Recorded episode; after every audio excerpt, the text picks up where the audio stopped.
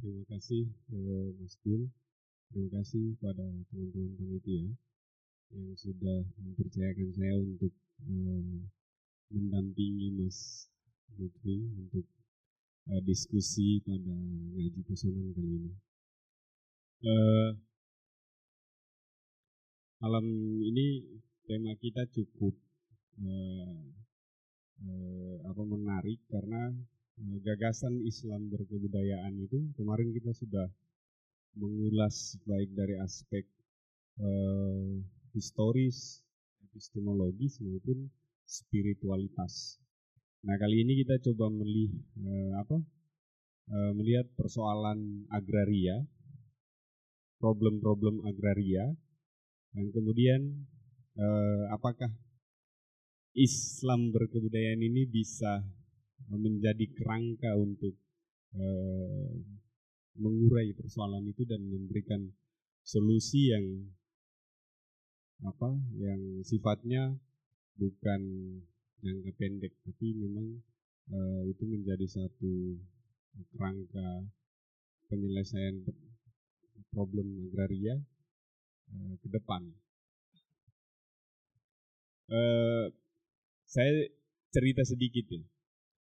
Jadi dulu saya mas, mas waktu saya masih kecil di kampung itu eh, saya pernah eh, menyaksikan langsung eh, ada satu nenek di kampung saya itu ketika cucunya itu buang air panas ke tanah. Nah, si nenek itu kemudian marah-marah.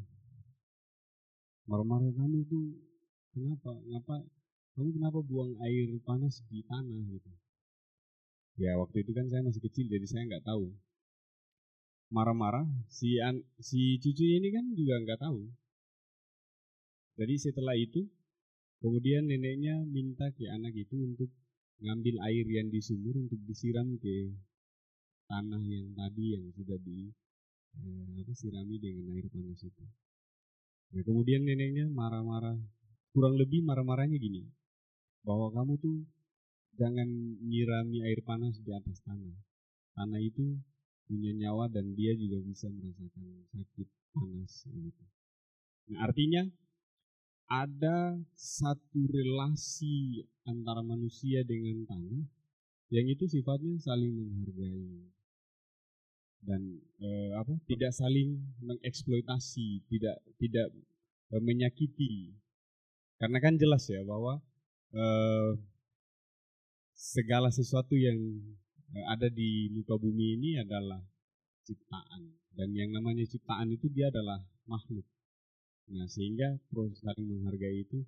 Nah namun sampai uh, masuknya kolonial ini kemudian penguasaan-penguasaan tanah ini secara paradigmatik pun berubah. Bahkan dalam hal melihat tanah itu hanya soal benda bergerak dan tidak bergerak. Dia dalam hukum perdata ya misalkan. Benda bergerak dan tidak bergerak. Nah, paradigma kita melihat tanah nah hanya sebatas itu. Sedangkan eh, apa paradigma masyarakat kita itu berbeda melihat tanah. Tapi lingkungan pendidikan kita pun seakan-akan bertabrakan itu loh. Nah ini yang menjadi soal. Nah, sehingga dari situ paradigma yang berubah ini kemudian memunculkan problem-problem agraria yang sampai hari ini kita tahu ya wadas misalkan. Dan wadas itu hanya salah satu loh. Hanya salah satu. Hanya salah satu di Indonesia kasus agraria yang terjadi. Dan masih banyak lagi.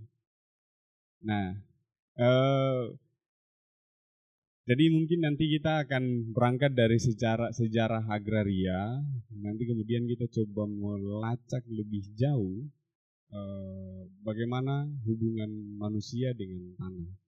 Tapi kurang lebih kalau bicara agraria itu kan sebenarnya bukan hanya tanah ya. Iya, iya. Nah, cuman eh, nanti itu bisa dibongkar lebih jauh oleh Mas Lutfi eh, untuk mempersingkat waktu eh, waktu dan tempat saya persilakan.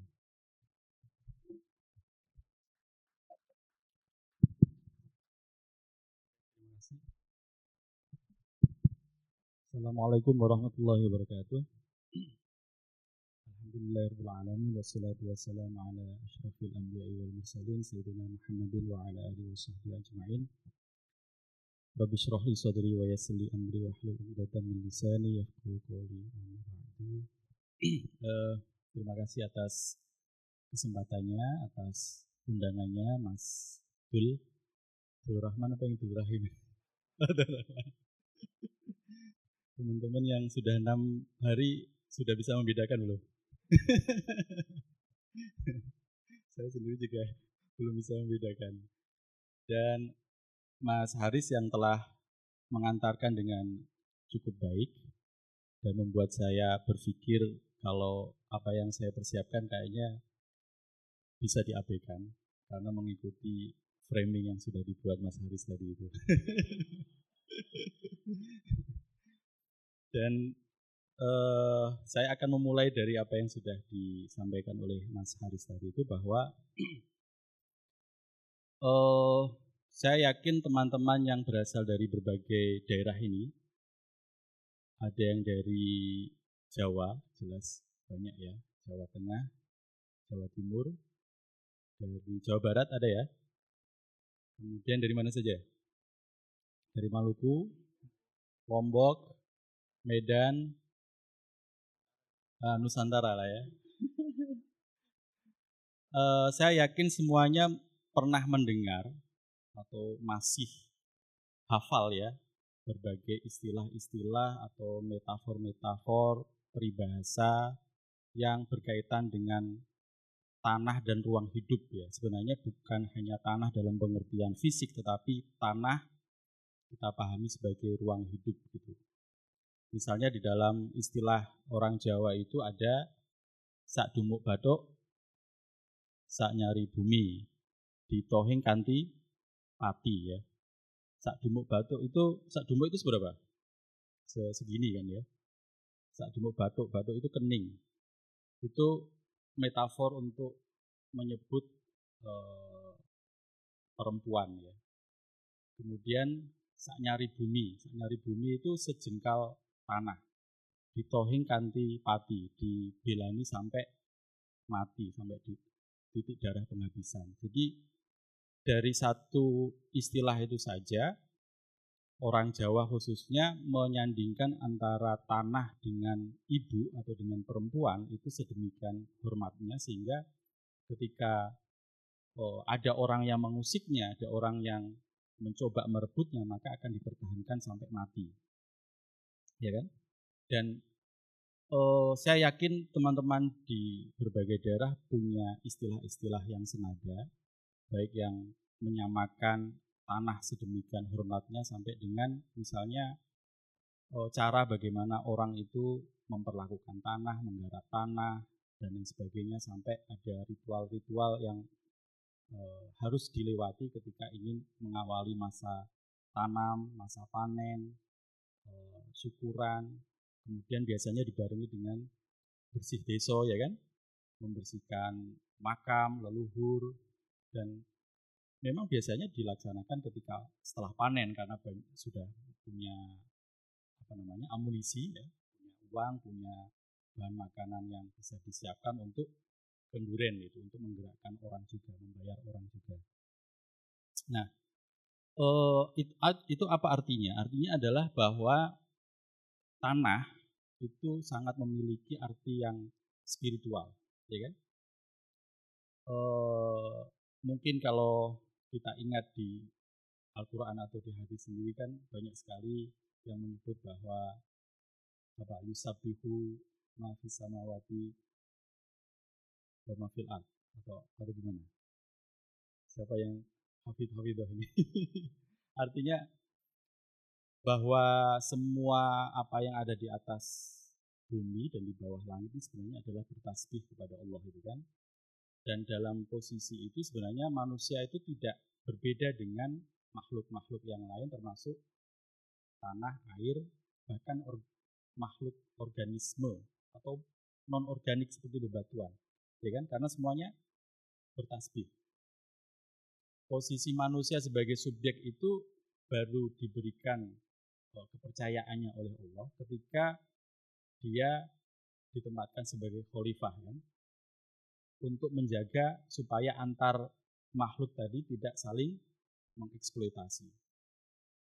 Artinya sebenarnya manusia dengan makhluk-makhluk lain ini sama di hadapan Allah. Jadi sama-sama makhluk, sama-sama sosok yang diciptakan atau sama-sama objek. Sehingga ketika sama-sama objek tidak boleh saling tidak boleh manusia itu mengeksploitasi. Toh kita sama-sama objek di hadapan Tuhan gitu.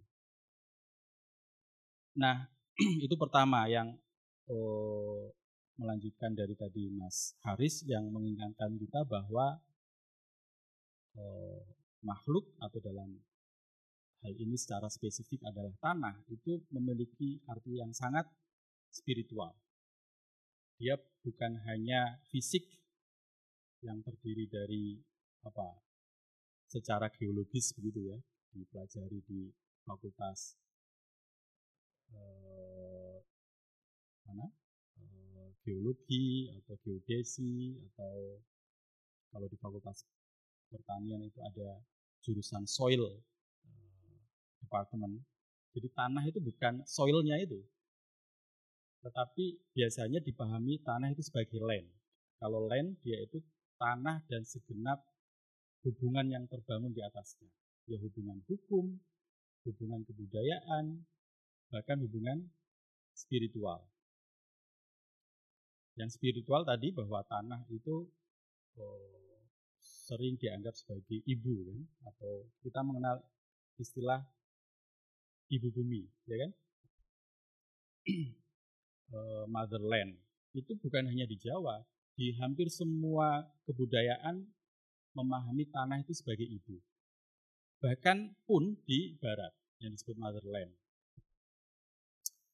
Yang disebut sebagai tanah air, ya kan? tanah dan air, itu kan bukan eh, sekilo tanah dan seliter air kan? ya kan? Dalam pengertian fisik itu, tetapi dia tempat di mana kita dilahirkan, tempat di mana kita Eh, membangun peradaban dan tempat yang harus kita perjuangkan ketika ada pihak lain ingin merebutnya, ingin mengeksploitasinya. Makanya disebut sebagai tanah air kalau dalam bahasa Inggrisnya ya motherland kan. Kita mengenal istilah ibu bumi. E, ada hadisnya itu dan sama ternyata bahwa apa ada yang pernah dengar hadis mengenai ibu bumi? Tahafadul ardo fa innaha ummukum. Enggak? Uh, gimana itu? Kemudian lanjutannya gimana? Tahafadul ardo fa innaha ummukum. Uh, Inja amilun apa? Khairon aw syarron illa mukhbiratun bihi saya lupa yang di tengah-tengahnya. Intinya adalah bahwa tanah itu adalah ibumu. Dan ketika ada orang atau amil yang melakukan sesuatu insyaron al khairon, baik yang buruk maupun yang baik, e, fa innaha mukhbiratun Maka ibu bumi itu akan mengabarkan kepada Tuhan gitu. Jadi tanah itu selain dia adalah ibu bumi, seperti tadi Mas eh, Haris juga, ketika ada orang yang memperlakukan jelek dengan menuangkan air panas di atasnya, maka dia merekam. Tanah itu merekam, mukhbirotun, yang akan mengabarkan nantinya, yang akan memberikan kesaksian nantinya kepada Tuhan bahwa eh, tanah telah diperlakukan dengan cara jelek gitu kan. Dan menurut saya itu lebih mengerikan daripada CCTV ya kan karena e, kalau CCTV jangkauannya jelas sangat terbatas tetapi kalau tanah e, di mana lagi kalau kita tidak berpijak di atas tanah kan dia akan menjadi e, syahidah gitu kan dan mukhbiratun ilallah gitu uh, itu satu. Jadi mengembalikan tanah air sebagai sesuatu yang sangat spiritual, sebagai makhluk yang tentu saja tidak pantas ditempatkan semata-mata sebagai material yang dengan mudahnya dieksploitasi. Dan justru yang terjadi pada era kolonial adalah menganggap tanah semata-mata sebagai komoditas, ya, kan? sebagai ya material. Nah, di situlah terjadi namanya desakralisasi tanah. Nah, kita masuk ke era di mana terjadi desakralisasi tanah. Ketika tanah semata-mata tanah air ya semata-mata ditempatkan sebagai oh, alat produksi untuk menghasilkan komoditas-komoditas andalan pihak kolonial.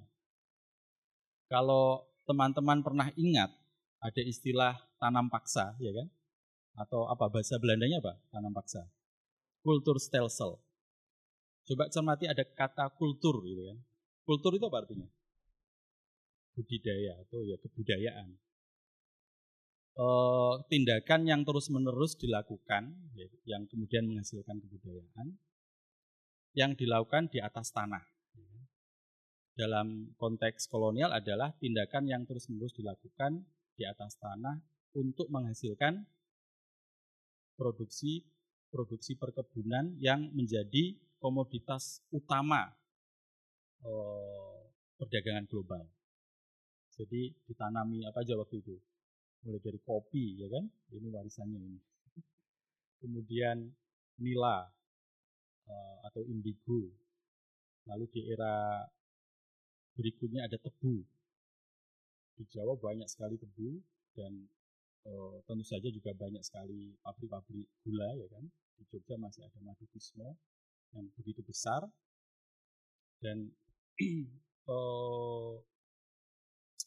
ada komoditas-komoditas lain yang belakangan itu misalnya e, kopra dan seterusnya gitu.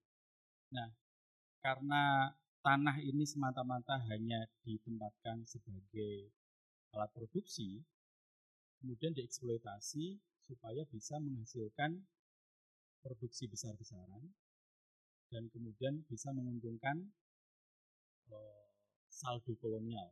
Atau waktu itu disebut sebagai batik slot, ya, batik slot uh, yang sampai dikatakan Indonesia itu eh Belanda itu seperti gabus yang mengapung di genangan lautan yang mana genangan lautan ini adalah saldo yang diperoleh dari Nusantara, yang diperoleh dari Hindia Belanda.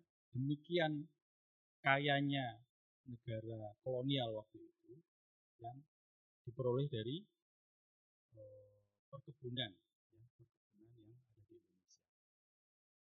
Dan itu masih sekali terjadi sejak 1830 sampai dengan 1870 ketika terjadi uh, kultur stelsel kemudian disusul dengan pasca 1870 itu adalah ekonomi liberal semakin bebas. Nah, kenapa 1830? Teman-teman ada yang ingat? Kalau ini konteksnya Jawa, kenapa 1830? Ya, pasca perang Jawa. Oh, dalam historiografi kita, perang tadi itu disebut sebagai perang Jawa, bukan hanya perang Diponegoro. Karena demikian masif e, melibatkan banyak sekali orang, mulai dari bangsawan-bangsawan keraton dan priayi-priayi yang tidak puas gitu, terhadap sistem yang ada saat itu, sampai dengan dukungan rakyat yang luar biasa. Dan itu meluas di Pulau Jawa, sehingga disebut sebagai Perang Jawa. Dan yang lebih penting lagi adalah perang ini didukung oleh rakyat dan para ulama-ulama, ya kan? termasuk Kiai Mojo, Sintot Alibasa, dan e, Diponegoro sendiri sebagai santri ya kan, yang diasuh langsung oleh neneknya di Tegalrejo, bukan pesantren Tegalrejo tapi Magelang itu, tapi Tegalrejo yang di sini di Jogja, di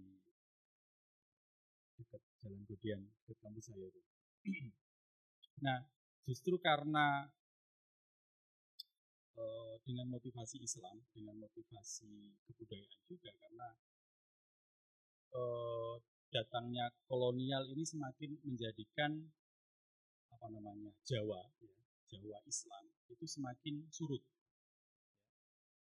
Lalu ada persewaan tanah besar-besaran di Forstenanden istilahnya waktu itu Jawa dan Surakarta untuk perkebunan kolonial meskipun belum semasif setelah 1830. Tetapi ketika sudah banyak disewakan, relasi orang dengan tanah ini tercerabut. Karena kemudian tanah ini kan eh, hanya dikelola oleh perusahaan-perusahaan perkebunan. Jadi orang-orang yang selam, sebelumnya itu mengolah tanah eh, keraton ya dalam tanda kutip waktu itu, mereka menggarap Kemudian ketika eh, panenan dalam satu tahun itu dua kali menyetor melalui momentum apa namanya skatenan yang itu berlangsung sampai sekarang. Itu momen ketika antara patron dan klien, antara eh, kaula dan apa gusti dan kaula itu bertemu dan di situ dilakukan eh, kegiatan-kegiatan keagamaan ya termasuk sebenarnya sampai sekarang itu juga masih berlangsung. Ada mujahadah dan lain sebagainya. Ada skaten ya syahadaten itu. Tetapi ketika tanah keraton ini disewakan kepada siapa? Pengusaha-pengusaha Eropa maka orang-orang yang semula tadi mengolahnya ini tersingkir atau murni diperlakukan sebagai buruh. Kalau tidak ya benar-benar disingkirkan. Diganti dengan dengan sistem perusahaan perkebunan yang murni relasinya ya perburuhan semata-mata. Jadi ada banyak kasus atau banyak situasi secara sosial dan ekonomi yang menjadikan eh, apa namanya kegeraman ya kegeraman dan kegelisahan eh, saat itu yang kemudian di 1825 itu berpuncak pada perang Jawa, perang Diponegoro. Dan itu berlangsung hanya setelah maghrib sampai isya ya. 1825 sampai 1830 gitu kan. 5 eh, tahun atau guyonannya kan setelah maghrib sampai isya gitu. Tapi jangan dikira itu 500 ribu orang rakyat eh, Jawa atau Forstenanden itu meninggal 4.000 pasukan eh, Belanda mati juga. Kemudian sekitar 7.000 para prajurit keraton juga. Bukan hanya prajurit keraton, tetapi juga pasukan-pasukan yang laskar laskar-laskar ya yang dipimpin oleh, oleh para ulama itu meninggal. 500 ribu itu jangan dianggap kecil karena Jawa waktu itu hanya berapa? 1,3 kalau nggak salah. Jadi tinggal berapa persennya itu. Uh, mungkin 80 persen kurang dari 80 persen ya.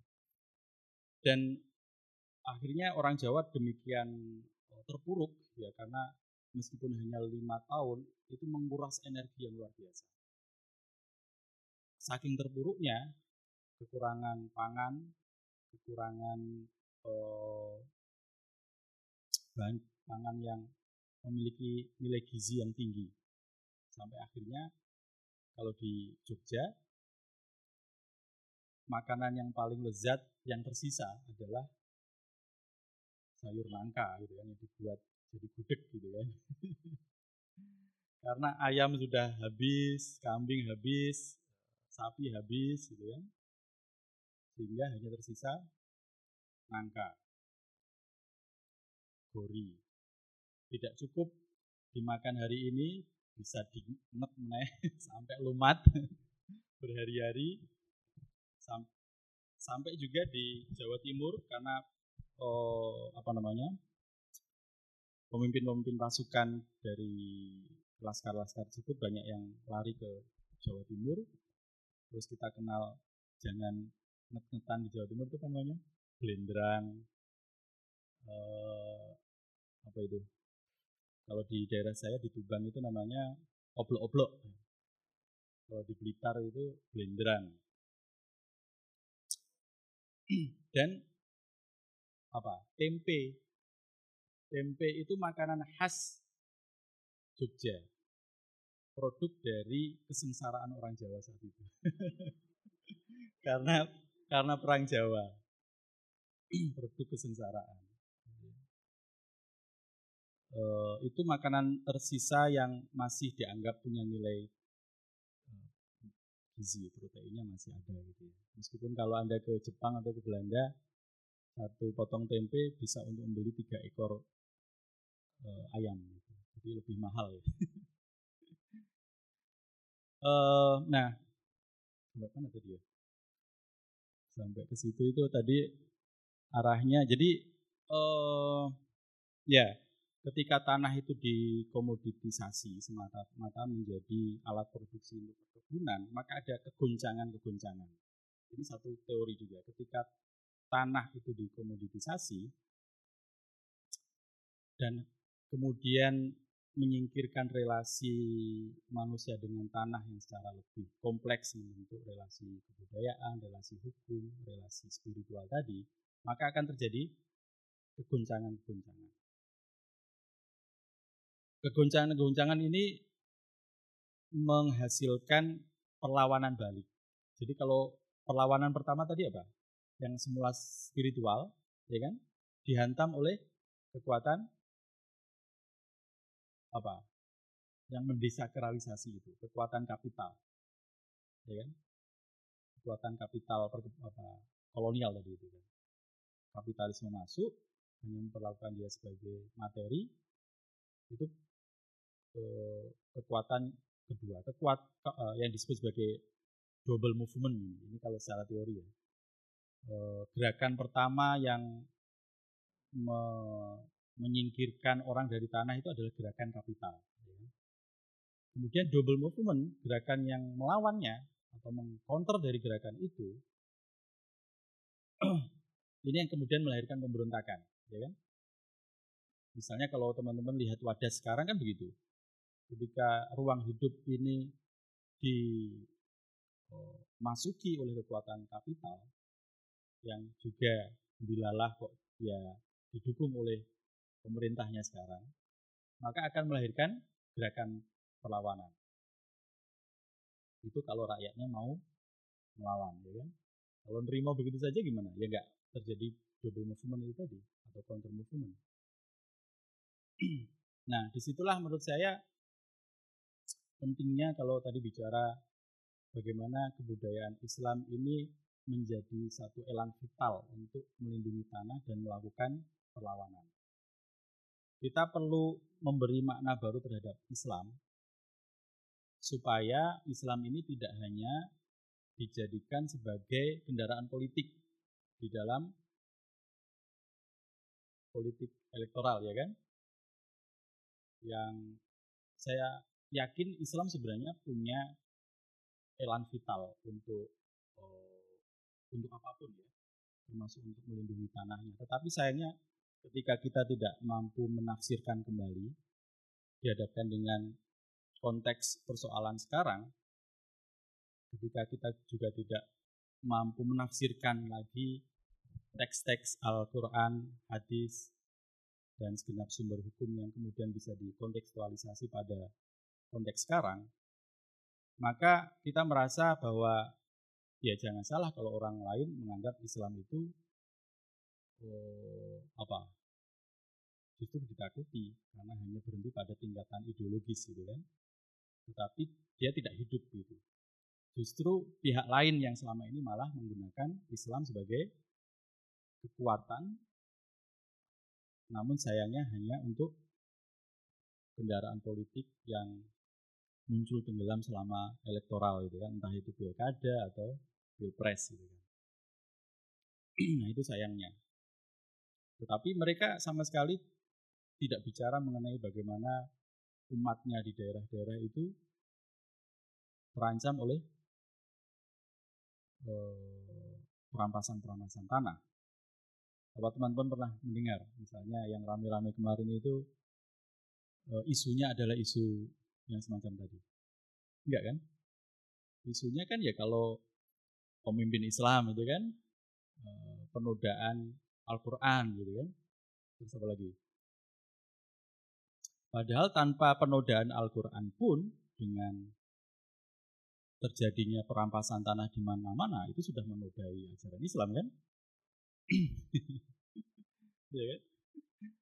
Tanpa penodaan dalam pengertian normatif itu eh, penodaan itu sudah terjadi di mana-mana.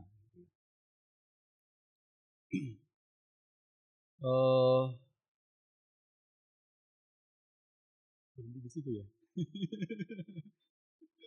Atau sampai di situ ada yang ingin didiskusikan, ingin ditanyakan. Karena ini waktunya panjang, kalau nggak salah sampai jam berapa mas? Wow, tiga jam ini. Sampai sahur ini. Jadi saya ingin karena teman-teman dari berbagai tempat, dari berbagai daerah, uh, ini kita bikin santai, interaktif itu, diskusi, dan itu membantu saya supaya saya bisa ngomong apa lagi gitu ya. silakan, ada yang mau komentar?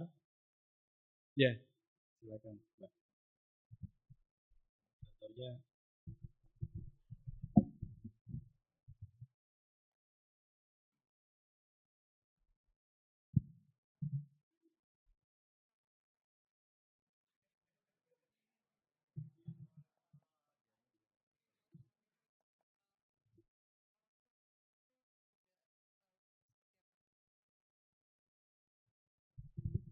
Terima kasih Mbak. Siapa tuh?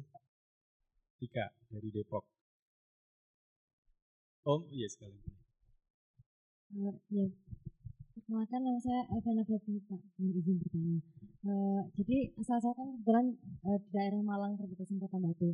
Nah itu juga di sana kan terkenal sama wisata alamnya juga, terutama di Batu yang sawahnya itu masih ya masih dibilang justru banyak gitu. Nah waktu itu saya sempat uh, sama nemenin teman saya yang waktu itu kayak bikin semacam dokumenter gitu tentang apa bagaimana kehidupan petani-petani yang punya sawah di yang punya lahan di daerah situ. Kalau sekarang dilihat kan hotel-hotel di Batu itu udah lebih dari ribuan bahkan nggak tahu sekarang semakin bertambah gitu entah villa, hotel dan seterusnya itu semakin banyak karena kan banyak orang pendatang-pendatang yang entah wisata dari situ kemudian e, menginap sementara seperti itu.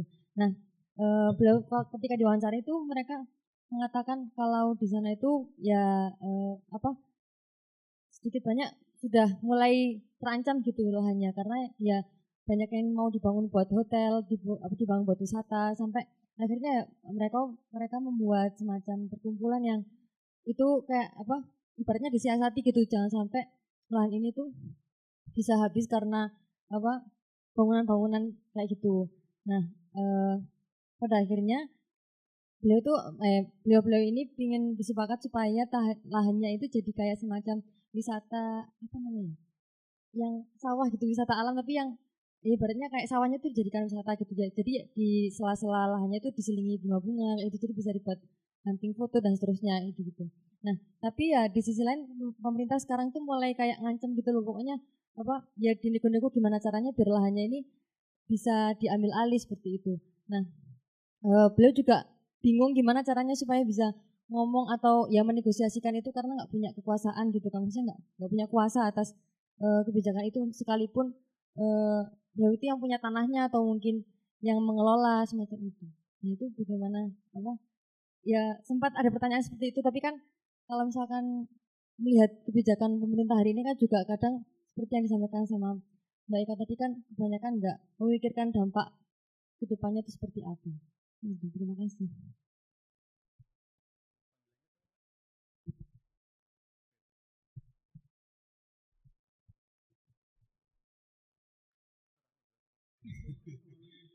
Masih ada lagi? Ya, boleh kayak. Jadi teman-teman boleh e, bertanya atau merefleksikan kayak tadi kayak e, apa bagaimana e, apa ya sebut saja kosmologi hubungan antara tanah dengan manusia di daerah masing-masing tidak apa-apa berefleksi tidak masalah iya yeah. Assalamualaikum warahmatullahi wabarakatuh Perkenalkan nama saya Nisa gitu. Eh, kan kalau tadi diceritakan tuh konflik lahan awalnya itu kan eh, kolonial tuh sama penjajah gitu ya, sama Belanda gitu. Tapi kalau untuk konteksnya sekarang itu kan sama pemerintah sendiri ya. Sementara pemerintah itu kan punya banyak proyek strategis nasional kayak gitu yang di mana misalnya pemerintah butuh tanah kan tinggal oh ini masuk proyek strategis nih berarti e, untuk mendapatkan lahannya itu kan lebih mudah kayak gitu misalnya misalnya warga menolak kan apa itu yang dititipin ke pengadilan konsinyasi ya ya bisa bisa lewat konsinyasi gitu. Jadi e, e, apa namanya masyarakat ketika mau mempertahankan tanahnya tuh kayaknya lebih sulit untuk saat melawan pemerintah itu kayak gimana gitu. Terus pemerintah kan juga punya banyak proyek misalnya eh, biodiesel tuh solar yang dicampur sawit kan sekarang udah 30 persen sementara pemerintah kan targetnya biodiesel 100 persen berarti kan butuh lahan yang lebih banyak lagi. Nanti di Sumatera di Kalimantan itu pasti eh, akan buka lahan dari hutan untuk sawit lagi. Itu kayaknya nggak akan terhindarkan karena sudah masuk program pemerintah berarti konflik lahan kan akan semakin banyak lagi gitu. Terus eh, ketergantungan kita sama ah, ini pertambangan masuk sama konflik agraria itu nggak sih masuk ya eh, maksudnya eh, pemerintah juga masih ba banyak proyek pembangunan PLTU gitu. Berarti kan eh, kebutuhan sama batu bara juga masih banyak. Berarti nanti eh, konflik-konflik semacam itu akan semakin banyak lagi kayak gitu. Meskipun sekarang sudah ada eh, apa namanya transisi energi tapi ternyata nggak masif-masif juga kayak gitu. Dan beberapa negara di eh, Eropa juga ketika krisis energi balik lagi ke PLTU berarti kan batu bara masih akan butuh lebih banyak lagi kayak gitu. Berarti konflik-konflik kayak gini eh, masih akan semakin banyak kayak gitu atau bisa diredam kayak gitu. Nah, jadi ya, apa namanya? Pertanyaannya peran kan Islam tadi. Mengatasi konflik yang sangat kompleks ini. Mas maksudnya udah melawan pemerintah kayak gitu nah, pemerintah kan jadi kalau udah PSN tuh kayaknya udah nggak bisa diganggu gugat kayak gitu terima kasih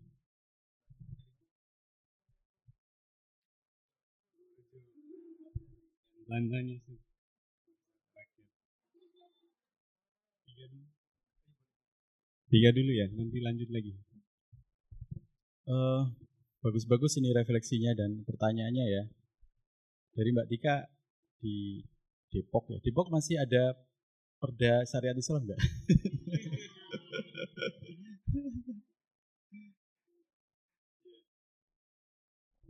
uh, kalaupun iya itu kadang paradoksnya atau atau apa misalnya kalaupun iya di satu sisi sudah memformalisasi Islam ke dalam peraturan perundang-undangan tetapi di sisi lain industri sangat masif gitu kan ya menjadi uh, satelit ya di dalam apa nama pusaran industrialisasi yang ada di Jabodetabek gitu kan. Yang semuanya sebenarnya gagap ya Islam sendiri gagap meresponnya gitu kan. Masyarakat gagap. Dan kemudian mereduksi Islam hanya semata-mata di ruang-ruang yang sangat simbolik gitu kan mengatur perempuan tidak boleh keluar malam dan seterusnya. Tetapi itu tadi sayangnya tidak sampai masuk ke dalam persoalan-persoalan primer keseharian dan yang itu justru e, mengancam masyarakatnya gitu kan. Itu menurut saya juga perlu satu satu strategi tersendiri gitu bagaimana mengaktualisasikan Islam di konteks yang berbeda. Kenapa konteks yang berbeda? Ini kota, industri beda dengan Purworejo misalnya yang pertanian yang sekarang juga mengalami ancaman tentang proyek strategis nasional misalnya begitu atau di tempat lain yang juga pertanian begitu. Jadi masing-masing dalam istilah uh, studi agraria disebut sebagai agroekologi yang berbeda-beda itu menuntut uh, pemahaman Islam yang berbeda-beda dan reaktualisasinya sampai kemudian agenda-agenda strategisnya seperti apa itu perlu butuh kreativitas kita semua untuk merumuskannya gitu ya. Uh, jadi saya tidak punya apa namanya resep bagaimana Islam itu harus diaktualisasikan, tetapi mulai dari menyadarkan bersama-sama bahwa ada persoalan. Pertama, kita perlu memahami persoalan yang sedang berkembang.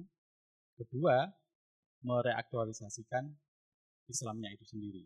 Yang itu sangat berbeda jauh dengan misalnya generasinya Gus Dur, generasinya Cak Nur ya kan, menyegarkan pemahaman Islam tahun 80-an itu kan ketika berhadapan dengan kejumudan itu kan, berhadapan dengan eh, kekuasaan Orde Baru waktu itu. Tapi sekarang lebih aktual lagi karena kekuasaannya bukan hanya konteks nasional tetapi bagaimana kapitalisme global ya kan yang bisa sangat mesra dengan uh, pemerintah nasional untuk menyelenggarakan proyek-proyek apa pun namanya itu di Indonesia itu kan. Itu kan harus di, disegarkan kembali ya. Menyegarkan kembali Islam di era generasi Z ya. itu seperti apa gitu. Uh, kalau mau ditarik pada hal-hal yang prinsipil, sebenarnya ada apa namanya, ada prototipenya atau ada ada prinsip-prinsip utama yang bisa kita kembangkan, baik dari Islam maupun dari konstitusi. Tadi saya teringat dari pertanyaan Mbak Febri ya, bagaimana kita e, memandang katakanlah persoalan yang ada di Malang Selatan yaitu Batu ya. Oh iya, iya. Nah, misalnya bisa tidak kita mengembangkan tafsir yang lebih progresif gitu mengenai oh, kan kalau ada hadis itu apa uh, al al muslimu syurukaun ala salasatin ya kan alma wal wanar wal kala. Ya. Orang Islam itu uh, apa? Berserikat atau berbagi akses atau berkoopera, berkooperasi, bukan berkoopera, bukan berkorporasi, berkooperasi terhadap tiga hal. Yang pertama air, yang kedua apa? Anar, energi. Ya. Kalau sekarang kita bisa menyebutnya energi. Dan yang ketiga adalah alkala. Alkala itu ladang pengembalaan. Atau sebenarnya kalau konteks oh, negara Arab waktu itu ya memang ladang pengembalaan. Tapi kalau di kita bisa aja itu oh, wilayah tangkapan. Pokoknya dia wilayah terbuka yang bisa bentuknya adalah untuk ladang pengembalaan. Kalau di Purworejo disebut sengaja ya kalau salah sengaja digunakan supaya tumbuh rumput dan itu menjadi milik bersama ya milik bersama atau dia menjadi wilayah tangkapan air ya kan? Jangan sampai dimiliki oleh perseorangan karena itu akan menjadi eh, milik, bersama. Kalau dimiliki seorang bisa dikontrol bisa menutup akses yang lain. Nah termasuk kalau kembali ke cerita Mbak Febri tadi itu kenapa desa-desa yang akan diwisatakan tadi itu ya? Ada sawah ada pemandangan-pemandangan yang indah atau apa lagi? Ada mungkin tempat sumber mata air yang juga diwisatakan gitu ya. Itu dikelola bersama menjadi aset bersama sehingga tidak ada orang yang disingkirkan. Karena biasanya memang yang dilakukan adalah mengundang investor kan? Oh, dan menjadikan desa itu desa wisata yang kita bisa selfie-selfie di upload di Instagram gitu ya. yang secara tidak sengaja itu promosi gratis gitu ya. Tetapi di belakang itu kita nggak pernah sadar bahwa yang apa namanya bekerja itu adalah kekuatan kapital yang jarang sekali melibatkan masyarakat setempat. Masyarakat setempat hanya jadi penonton. Gitu kan. Di Jogja saya kira sedang marak justru seperti itu desa wisata ya kan ada berapa kategori desa di Jogja itu yang salah satunya didanai dengan dana is dan rame-rame dijual kemarin saya juga sempat me ngomentari itu, kenapa eh, dana desa itu kan besar sekali ya. 2 miliar, kalau di Jogja ketambahan lagi dana IS. Tetapi jarang sekali digunakan untuk melindungi, mengkonservasi ruang-ruang publik kita. Ruang hijau, sumber mata air, oh, lapangan. Ya akhirnya karena nggak punya lapangan, nggak punya arena untuk beradu ketangkasan anak-anak mudanya, jadi kritih gitu kan. Arenanya situ. Padahal itu ajang maskulinitas sebenarnya ya. Itu era itu usia-usia muda biasanya memang tinggi, tetapi tidak ada saluran. Ini kaitannya kritis dengan agraria ini. uh, kalau dulu di antropologi ada namanya apa namanya uh, pig hunting, berburu celeng, berburu uh, babi. Itu kalau di beberapa desa Jawa lama itu dijadikan sebagai ajang maskulinitas. Eh, apa istilahnya itu untuk naik menjadi dewasa itu harus dibuktikan dengan bisa berburu dan bisa menangkap celeng.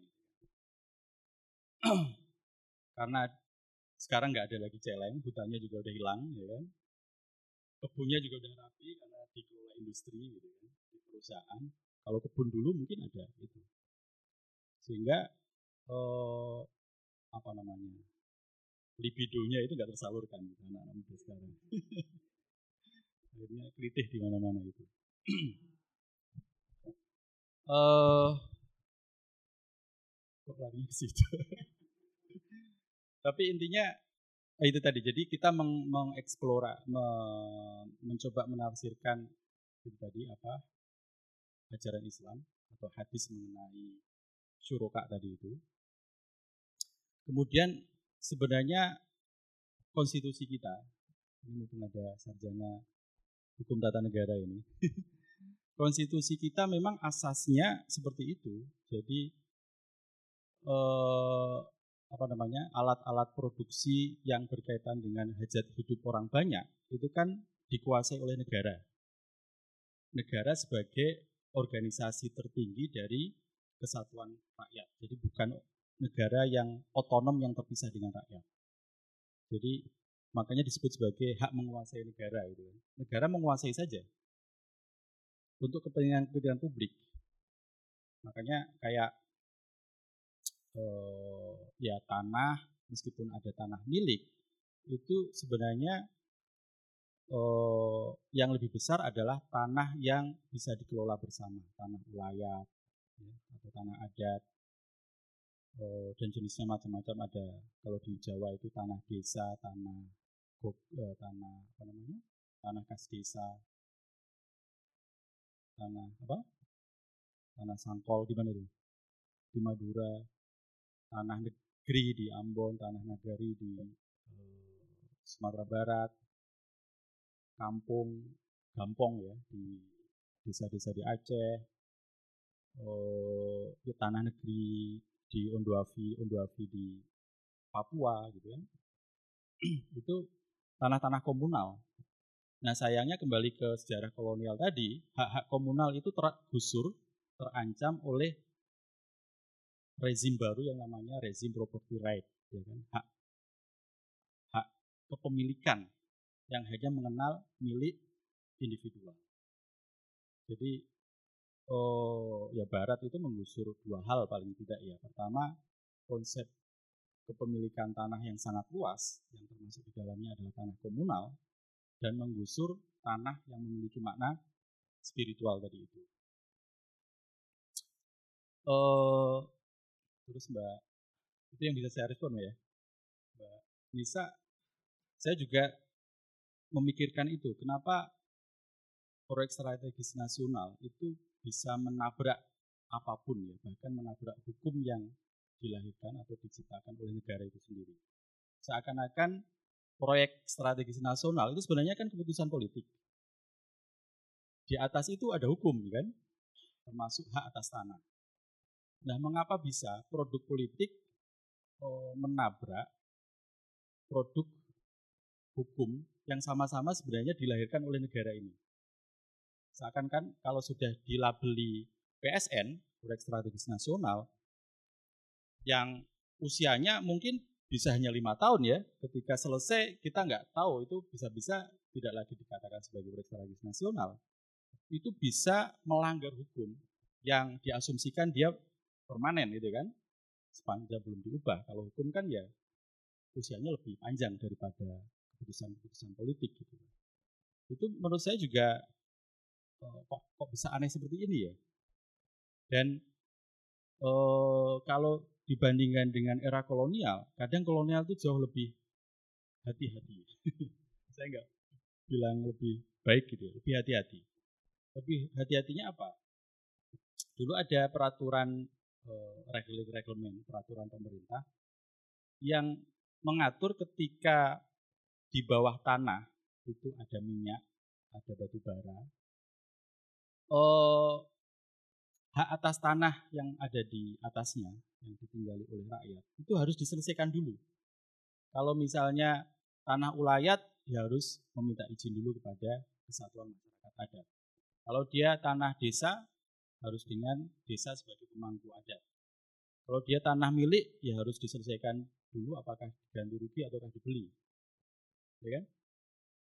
Jadi ada syarat yang sangat ketat uh, untuk lahir namanya konsesi. Konsesi itu kan izin, bukan hak. Sepanjang kalau izin itu kan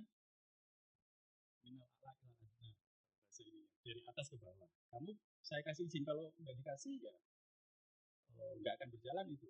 Beda dengan hak. Hak itu melekat kepada individu atau badan hukum. Ada atau tidak ada pengakuan dari orang lain, hak itu lahir dengan sendirinya. Misalnya kita punya hak atas tanah. Bahwa kemudian kita punya atau tidak punya itu hak, e, soal lain, tapi sebagai individu kita itu mempunyai hak atas tanah. Oh, punya potensi mempunyai hak atas tanah. Bahwa kemudian tidak punya itu soal lain gitu ya. Ya paham ya maksud maksudnya. Nah, tapi kalau izin itu ketat. Jadi dia diberikan dari otoritas yang lebih kuat kepada yang bawah. Nah, makanya zaman kolonial dulu itu sangat ketat. Perusahaan tidak akan diberikan konsesi untuk nambang kalau tidak menyelesaikan soal tanahnya tadi eh, dengan rakyatnya, lalu tidak bisa menunjukkan profitabilitas, eh, profiti, profitabilitas ya. Uh, apa namanya potensi keuntungan dan kemampuan ekonomi untuk melanjutkan usahanya. Misalnya kalau ini perusahaan mengajukan konsesi ternyata sangat abal-abal gitu ya, nggak akan diberikan.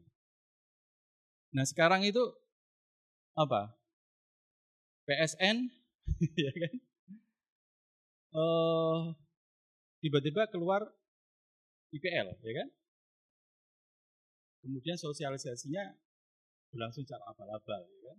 Kalau kasus kan gitu diundang suruh tanda tangan ternyata itu dijadikan alat untuk e, dianggap persetujuan e, memperoleh itu. Lalu keluar IPL keluar segala macam. Hak hak hukumnya nggak diurus.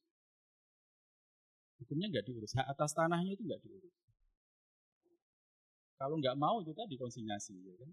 Jadi menurut saya ini luar biasa lebih parah ya lebih parah belum lagi sektor kehutanan. Kalau itu sudah ada angkanya, bahkan dilaporkan oleh Menteri Kehutanan sendiri, izin yang diberikan oleh eh, KLHK, Kementerian KLHK, kepada perusahaan untuk mendapatkan hak kelola, namanya macam-macam, ada HPH, HTI, eh, eh, ya itu yang paling banyak, termasuk mengalihkan hutan menjadi perkebunan sawit, itu jumlahnya lebih besar daripada yang pernah diberikan oleh pemerintah kolonial. Dan kalau kita lihat proporsinya, itu 90% diberikan kepada korporasi, dan sisanya 10% itu bagi-bagi untuk rakyat, termasuk untuk pemerintah sendiri kepentingan apa? kepentingan umum. itu 2018 Menteri KLHK akhirnya mengeluarkan datanya setelah guncangan politik ya menjelang 2019. Mungkin pernah ingat 2018 itu eh, PAN, PAN kan memang rival rezim kan ya. Eh, yang bilang bahwa nah, akhirnya kan ngeluarin itu saya buka buka. Tapi sayangnya di luar kawasan hutan belum berani membuka datanya. Saya yakin di luar kawasan hutan eh, izin yang diberikan juga lebih besar kepada perusahaan daripada rakyat. Gitu. Jadi ya saya menyetujui kalau dibilang bahwa sekarang ini dalam tanda kutip musuhnya ya tadi ya musuhnya itu adalah pemerintah sendiri. nah ya ter, itu tidak semata-mata kepentingan nasional tetapi juga karena globalisasi. Karena globalisasi. Dan kalau mau diambil tonggaknya ya ketika Indonesia oh, ada dalam bagian mungkin kemarin sudah diceritakan ya di geopolitik atau apa itu. Ada namanya MP3I itu Master Plan Percepatan Pembangunan Ekonomi Indonesia itu era SBY akhir ya eh, pertemuan Menteri Keuangan sedunia itu dan dilangsungkan di Indonesia eh, yang salah satunya adalah menyepakati wilayah-wilayah mana yang kemudian dijadikan sasaran investasi global. Salah satunya Indonesia. Di slide ini sebenarnya ada, tapi saya lupa di bagian mana. tapi intinya adalah konfigurasi geopolitik ya kalau mau disebut geopolitik yang berbasis pada kapitalisasi agraria sekarang itu berubah. Kalau dulu pemainnya adalah negara-negara Eropa dan Amerika, ya kan? Atau di era kolonial dulu ya perusahaan Belanda, eh, ada five big corporate dulu, ada Borsume, ada apa lagi itu. Ya. Kalau sekarang yang berinvestasi itu mana? Cina, negara-negara Arab, dan Korea Selatan. Ya, jadi ternyata salah satu kampanye Korea Selatan melalui K-pop itu, itu seperti kampanye uh, budaya pop Amerika yang bersamaan dengan naiknya mereka sebagai super power yang Eh, berbasis pada industri dan industri industri senjata ya kalau Amerika. Jadi untuk menunjukkan super power dan termasuk kemampuan investasinya nanti di negara-negara selatan, salah satunya kan beriringan dengan budaya populer yang tumbuh itu kan, film-film Hollywood dan seterusnya itu. Daewoo, terus apa ya di Korea Selatan itu banyak sekali. Di situ ada petanya sebenarnya. Jadi misalnya Cina untuk batu bara di mana? Ya sekarang apalagi kan semua Cina. E, Arab Saudi pernah di Papua yang proyek MIFE itu dan lain sebagainya. Bahkan Cina itu kulaan batu bara mentah yang nanti akan ditanam kembali di Cina untuk 100 atau 200 tahun kemudian dipanen. Anda bisa bayangkan itu. Mereka sudah memikirkan itu. Ya, saya pernah penelitian dulu di Kendari, oh, apa namanya, Makassar Kendari. Dulu penerbangan hanya satu kali, tapi setelah ditemukan beberapa deposit nikel di Sarola, eh, di Konawe, di sampai ke selatan itu sejak 2009 itu penerbangan sampai lima kali dan sebagian besar penerbangan itu penumpangnya adalah orang-orang Cina daratan langsung yang bekerja dan berinvestasi di eh, perusahaan tambang nikel.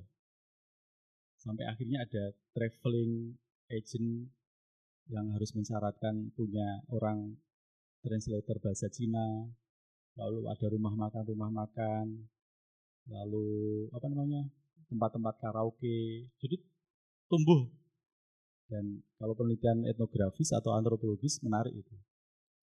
Eh, dan biasanya daerah-daerah yang banyak sekali apa namanya pertambangan itu ya kondisinya mungkin teman-teman udah mengalami ya. Berdebu itu kan.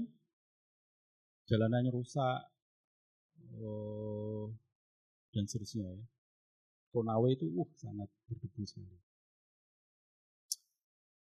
uh, sementara itu yang bisa saya respon, mas Haris terlalu panjang ya. Mohon maaf. Tepuk tangan dulu. Dibolehkan untuk malam ini ya uh, selanjutnya teman-teman yang satu. Tadi yang depan ini. Ya dua tiga empat. Nih banyak nih kalian ini kayaknya korban-korban konflik agraria ini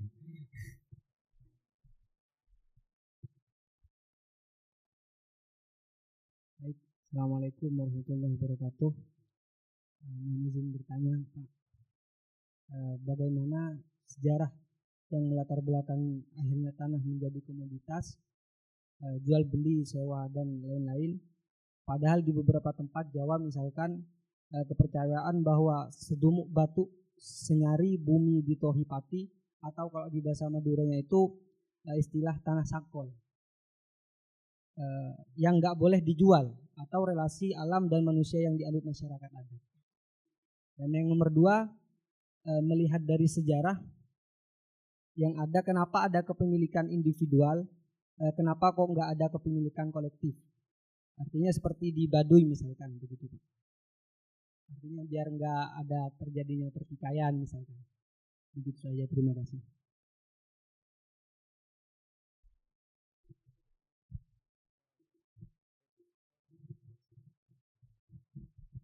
Assalamualaikum warahmatullahi wabarakatuh. Saya Faiz Halim dari Pati.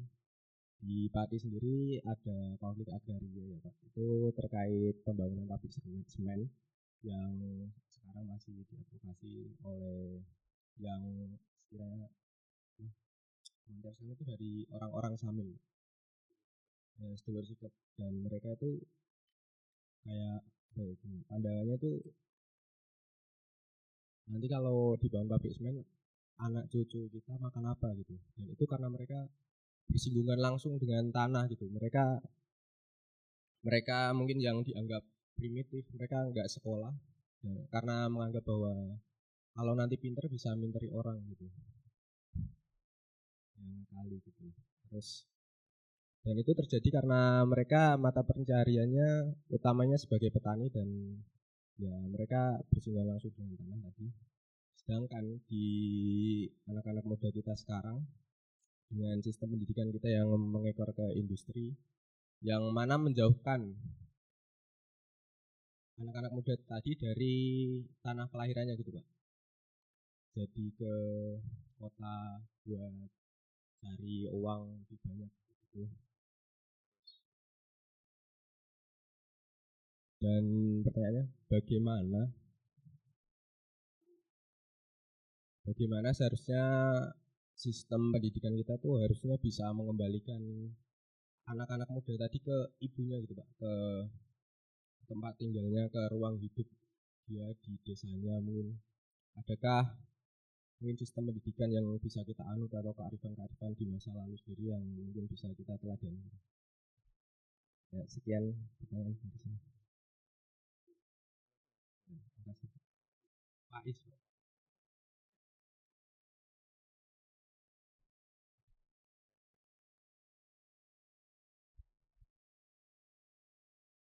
Assalamualaikum warahmatullahi wabarakatuh. Uh, mau bertanya ini Pak. Oh, namanya M Ibram. Uh, kebetulan saya domisili di Purworejo, tapi asal saya dari Tegal. Uh, sekitar beberapa bulan yang lalu itu saya dimintai buat tulisan yang kira-kira narasinya itu di dalamnya isinya terkait dengan uh, provokator versus buzzer itu.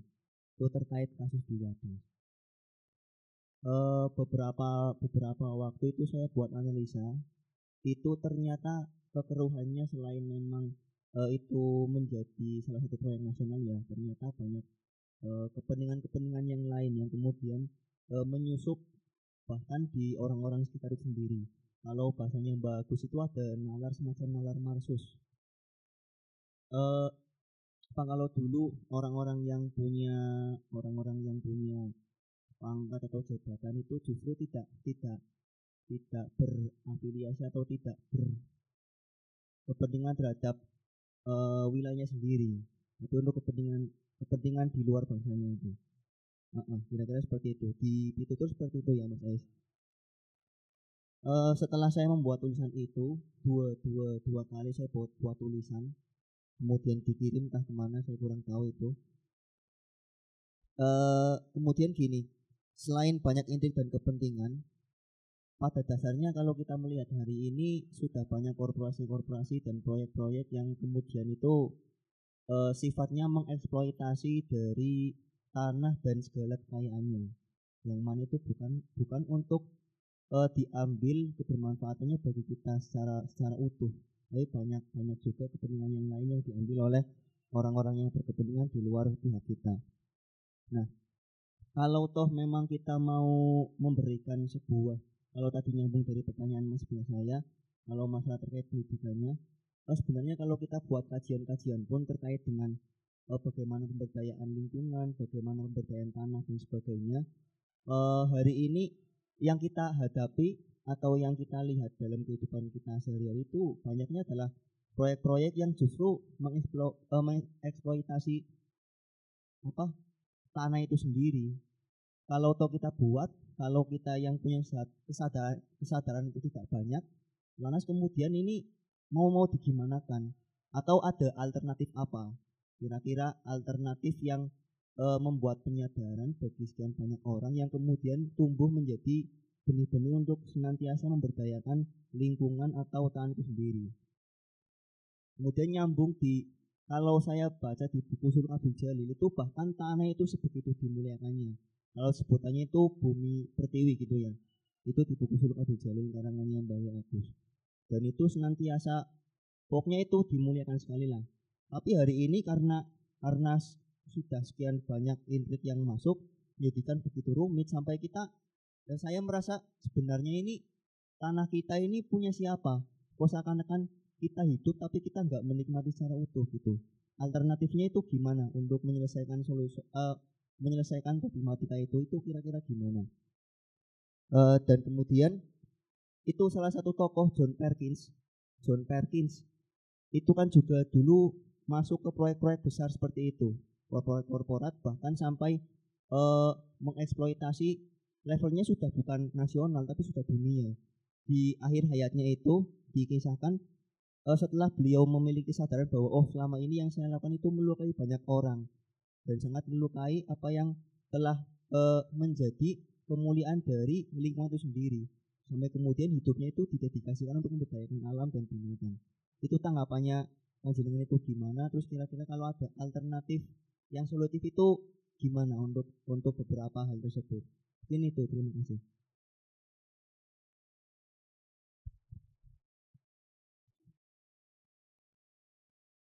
Eh, Assalamualaikum warahmatullahi wabarakatuh. Perkenalkan saya Muhammad Salamun asal asal dari Maluku. Eh, mungkin saya juga sedikit eh, apa ya, memberi satu penjelasan soal tadi relasi manusia dengan tanah di daerah saya. Yang apa ya? Kalau di daerah saya itu dikenal sebagai eh, Larful Ngabal. Nah ini sebagai apa ya? Konstitusi masyarakat Pulau K yang di dalamnya juga apa ya? Mengangkat harkat dan martabat perempuan beserta tanah yang apa ya, persepsinya menganggap sama sebagai eh, seperti eh, tanah itu adalah perempuan maka perlu di- dilindungi. Nah eh, dari sini kemudian muncul kayak seperti bahasa-bahasa karena eh, hanya karena tanah dan tanah dan perempuan eh, orang gay bakal berdarah-darah. maksudku bukan apa ya menunjukkan eh, kehidupan orang kaya yang selalu berperang bukan. Tapi ada sisi yang apa ya kupikir ini bagian dari eh, spiritual masyarakat kaya ketika menjaga tanah dengan sosok perempuan tadi atau ibu tadi. Nah jadi kemungkinan ini kalau tidak keliru semangat yang diambil John Kay mungkin di Jakarta kini dia menjadi pengaman tanah-tanah di Jakarta. Mungkin ini semangatnya tapi ya kalau saya tidak keliru. Tapi nah kemudian eh, dari tadi ya saya menganggap ada sisi spiritualitas antara manusia K dengan tanah dan perempuan tadi. Nah eh, tapi hal ini kemudian eh, coba digeser oleh kebijakan pemerintah. Kalau tidak keliru ya nanti ini saya semacam refleksi saja. Tapi kalau keliru mungkin bisa diluruskan. Jadi kayak prokleknas yang kemudian juga apa ya menembus batas-batas tadi eh, bahkan ada eh, persoalan-persoalan agraria dan lain sebagainya. Nah ini juga bisa dilihat dari eh, apa ya kebijakan pemerintah yang katanya itu sedang membu apa ya sedang melakukan satu terobosan baru yakni dengan memper apa ya eh, lebih ke eh, meningkatkan budaya budaya dan pariwisata misalnya. Nah, cuman ada kecolongan yang tidak tidak apa ya yang tidak dilihat oleh pemerintah. Nah, ini semacam apa ya satu bentuk perlakuan dari sosok Marsos ya. Kalau di dulu tuh di zaman kolonial eh, eh, elit-elit politik di Nusantara tuh di, disebut sebagai eh, apa ya? pamung praja, pol pp. Nah sekarang itu elit politik ini ya masih sama, masih sama kayak yang dulu, Mengang, eh, menganggap diri sebagai satu penguasa negeri, tapi derajatnya ya masih sama. Pol pp apa ya kalau bahasa Gus Im itu eh, komponi. Jadi ada semacam apa ya celah-celah yang diambil oleh pemerintah dalam melakukan apa ya kerja-kerja politik atau kebijakan politik itu berdasar pada korporasi sidang-sidang korporasi yang apa ya mendapatkan kemenangan dalam eh, satu sidang atau apa ya, pemenang tender. Dan ini kemudian dilakukan oleh elit politik diaktualisasi oleh elit politik yang tadi bekerja untuk negara lain. Ya tidak keluar dari lingkup geopolitik tadi. Nah dan itu terlihat dari uh, produk mata uang hari ini atau uh, apa ya visualisasi dalam uang-uang yang beredar hari ini. Misalkan dari 1000 sampai dengan 100 itu ada simbolisasi budaya dan pariwisata. Budaya dan pariwisata. Nah, akhirnya uh, tadi budaya yang punya nilai kosmo oh ya, nilai spiritual kemudian digeser menjadi sebatas nilai tukar. Artinya budaya kita sedang dikomersialisasi. Ini juga bahaya ketika kita menciptakan produk kebudayaan yang punya nilai spiritual kemudian dikomersialisasi.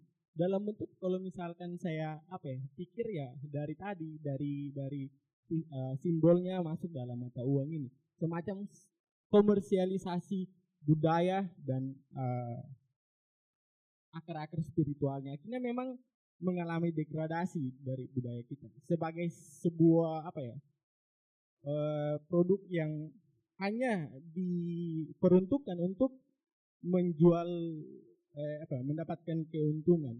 Nah masalahnya di daerah saya juga demikian uh, di apa ya padahal pasca reformasi sudah diberikan peluang untuk mengatur daerah sendiri dengan uh, apa sistem de desentralisasi tapi juga masih mengiakan program nasional yang itu malah bertentangan dengan daerahnya. Yang tadi saya bilang wah, hukumnya itu menjaga perempuan dan tanah malah kebalikan. Apa ya membe- eh, memberikan eh, dia sebagai eh, satu produk baru atau menjadikan budaya itu sebagai komoditas karena kalau misalkan programnya pariwisata barang tentu pariwisata dan budaya barang tentu hanya sebagai tampilan-tampilan untuk mengenakan mata-mata para investor dan elit politik yang ada di sana. Parahnya para eh, pemimpin di sana wali kota maupun eh, bupati itu haji semua. Bapak Haji. Dan satu wali kotanya itu lulusan UIN Sunan Kalijaga dan menulis soal hukum larfung awal. Saya tidak tahu ini arah pikirnya seperti apa. Nah, jadi semacam itu tadi. Saya pikir apa ya budaya yang sudah seharusnya apa ya dia mempunyai nilai spiritual malah didegradasi dengan tampilan-tampilan yang hanya sebatas pada pemanfaatan keuntungan. Karena kalau misalkan eh, apa ya tadi eh,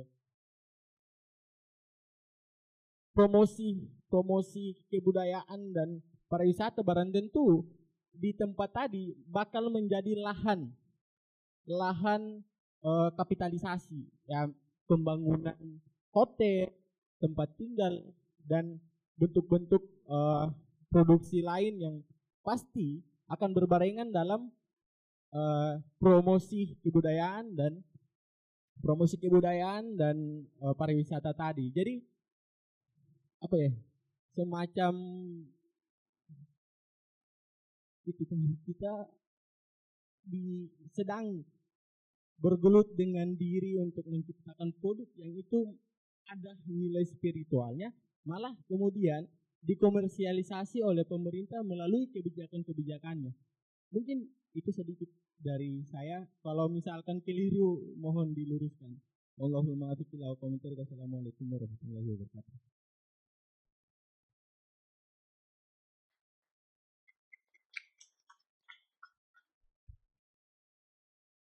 Iya, sudah tepuk tangan ya, satu kali aja. Eh, mungkin itu eh, tanggapan dari teman-teman. Eh, langsung ditanggapi. Eh, saya senang sekali teman-teman merefleksikan eh, kondisi yang dihadapi di daerahnya masing-masing dan saya kira itu sangat penting untuk menjadi modal dan apa mempertautkan kembali eh, secara secara eksistensial saya kira ya. Secara eksistensial keberadaan kita masing-masing yang berasal dari berbagai daerah dan kemudian menghadapi eh, masalah-masalah ibu pertiwi kita gitu kan. Dan eh, saya tentu saja tidak dalam kapasitas untuk memberikan solusi atau jalan keluar itu sama sekali jauh. Tetapi saya berharap dari forum ini yang sebelumnya teman-teman sudah dibekali dengan berbagai macam eh, perkuliahan.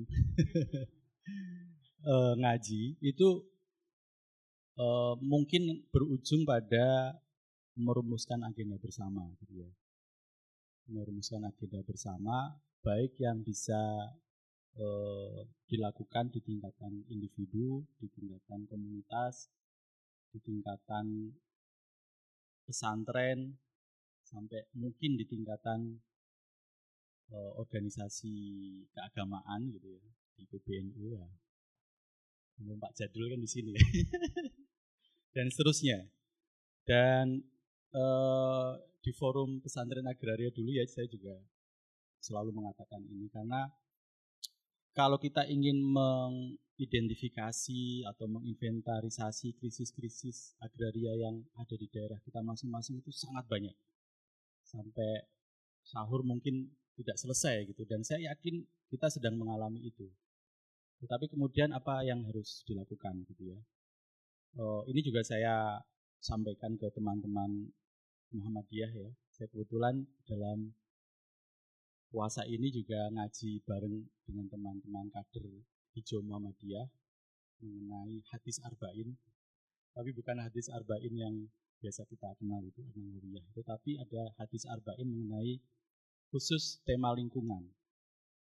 Kebetulan sudah saya terjemahkan dan akan terbit. Nah, kita mempelajari satu demi satu hadis-hadis itu.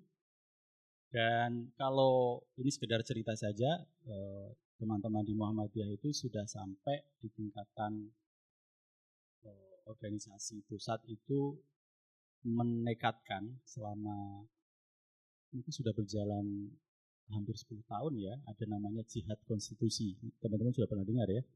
Jihad konstitusi yang salah satu upaya mereka adalah e, melakukan judicial review terhadap undang-undang yang terkait dengan sumber daya alam atau sumber daya agraria yang bertentangan dengan konstitusi dan tentu saja bertentangan dengan hajat hidup orang banyak.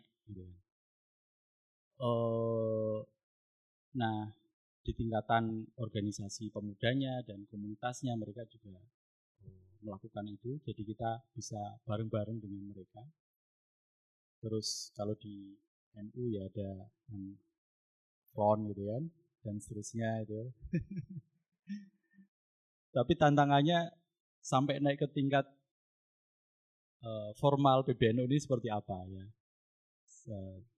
Saya juga bersama teman-teman sedang sedang apa namanya bareng-bareng begitu termasuk yang salah satu saya tulis adalah atau saya melakukan penelitian mengenai sejarah pertanu.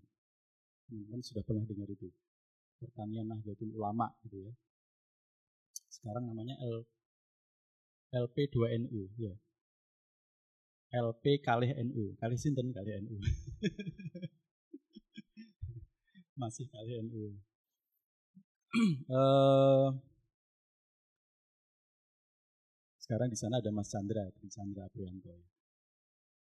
Nah itu perlu perlu juga direvitalisasi kalau bahasa saya. Pertanu atau LP2NU itu perlu direvitalisasi bagaimana uh, perjuangannya di dalam melindungi uh, umat mustadafin, para petani dan seterusnya itu. Dan ya nggak hanya terbatas petani tapi mustadafin gitu kan uh, nah itu tantangan kita bagaimana merumuskan agenda-agenda bersama baik di tingkatan individu, uh, komunitas, pesantren, uh, dan di tingkatan pusat. Tantangannya adalah misalnya di pesantren,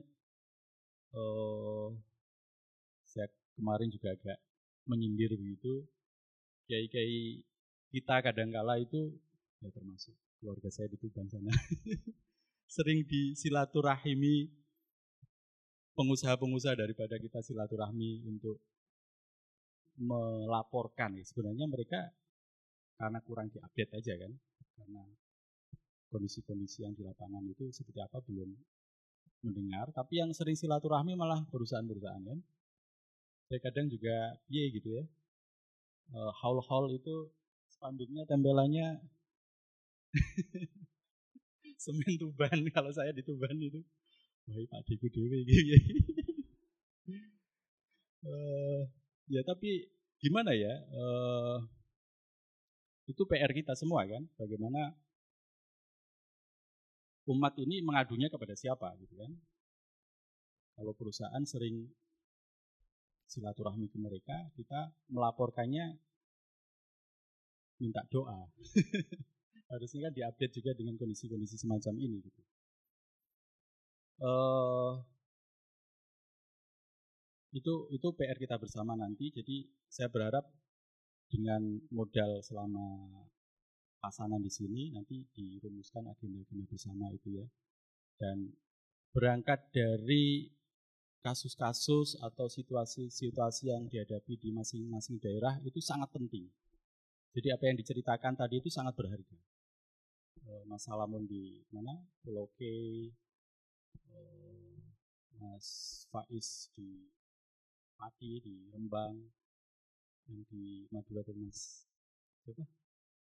Rosil. Nah, terus. Ibram ya Mas Ibram. Itu itu menurut saya eh, modal kita. Karena bagaimanapun kita harus berangkat dari situasi empiris yang kita hadapi masing-masing supaya menubuh. Tidak hanya semata-mata berangkat dari bacaan teori, eh, ekonomi politik, Marxis gitu misalnya, ya itu berharga. Kalau saya pernah eh, bercanda dengan teman-teman itu untuk memahami masalah agraria kita, gunakan perspektif ekonomi politik, bolehlah Marxis gitu. ya. Tetapi untuk mengubahnya, mengubah kondisi krisis agraria itu, gunakanlah apa? Saya nggak tahu. Yang saya katakan waktu itu gunakanlah akhlakul karimah.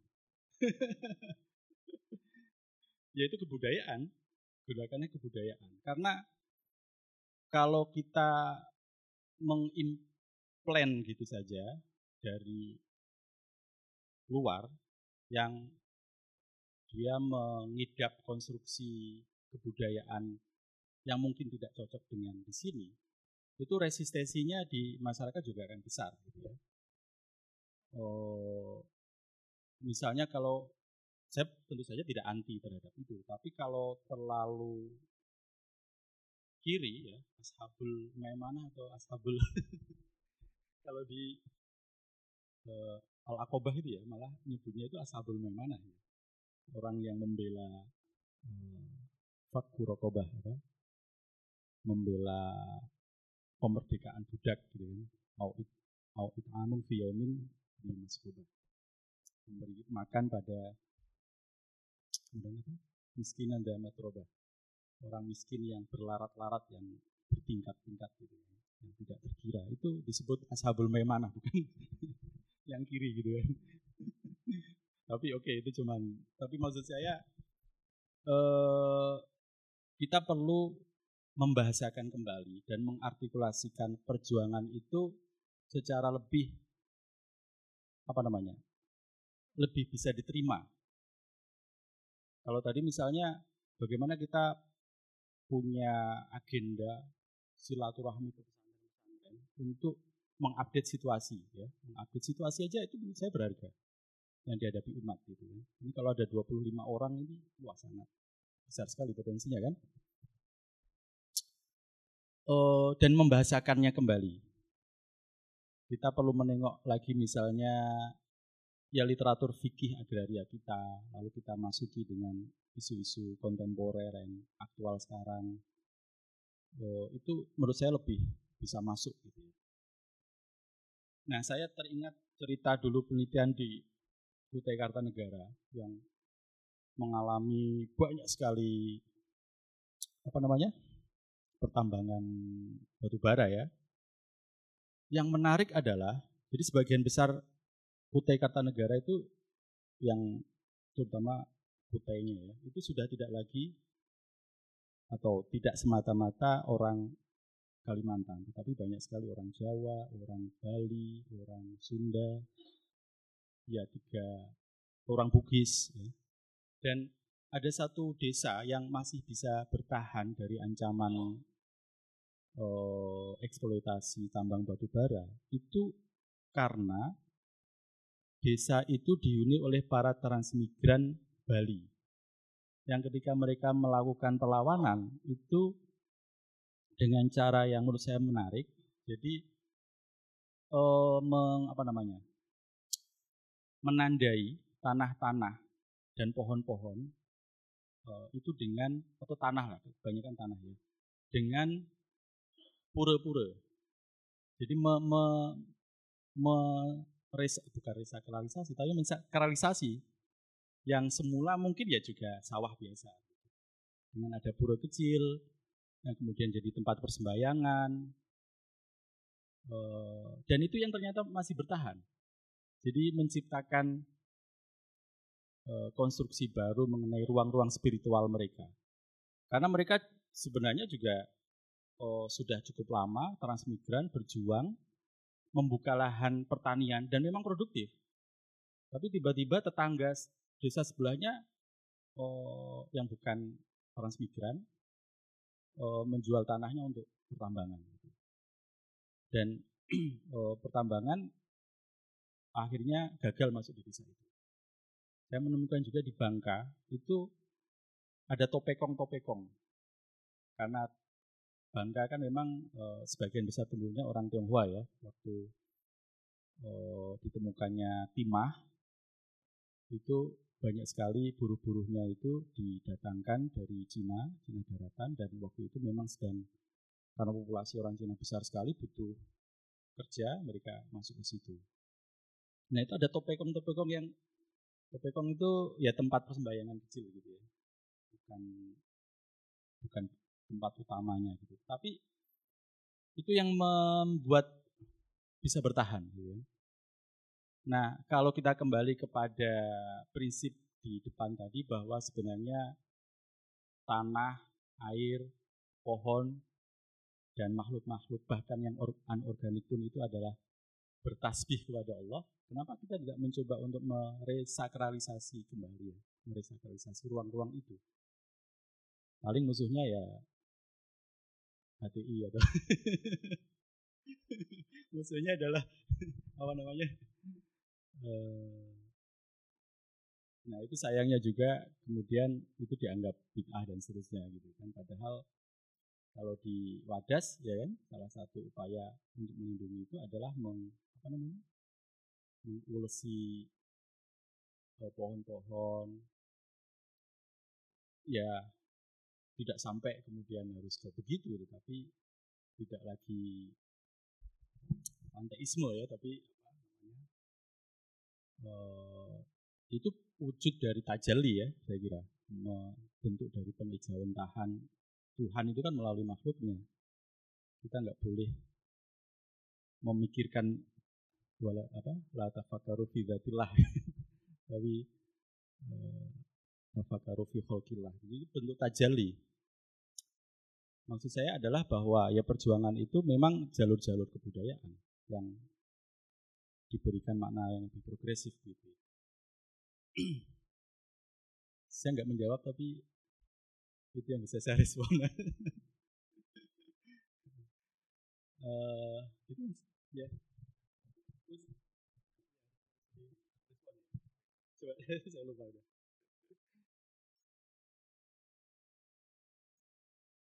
Oke. Mas Rosil, sejarah jual beli tanah, sewa dan lain-lain. Kalau untuk konteks Jawa tadi saya sudah sampaikan itu ya.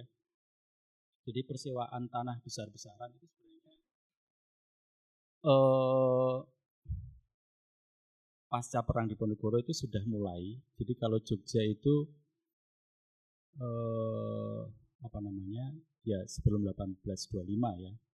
Dan salah satu sebab dari perang Jawa tadi itu kan ketika tanah-tanah itu disewa, ya maka relasi orang yang berada di dalam tanah yang disewa tadi yang semula patron klien dan kaulo gusti itu terputus karena relasinya kemudian semata-mata sebagai relasi perburuhan si buruh dengan apa namanya perusahaannya. Gitu.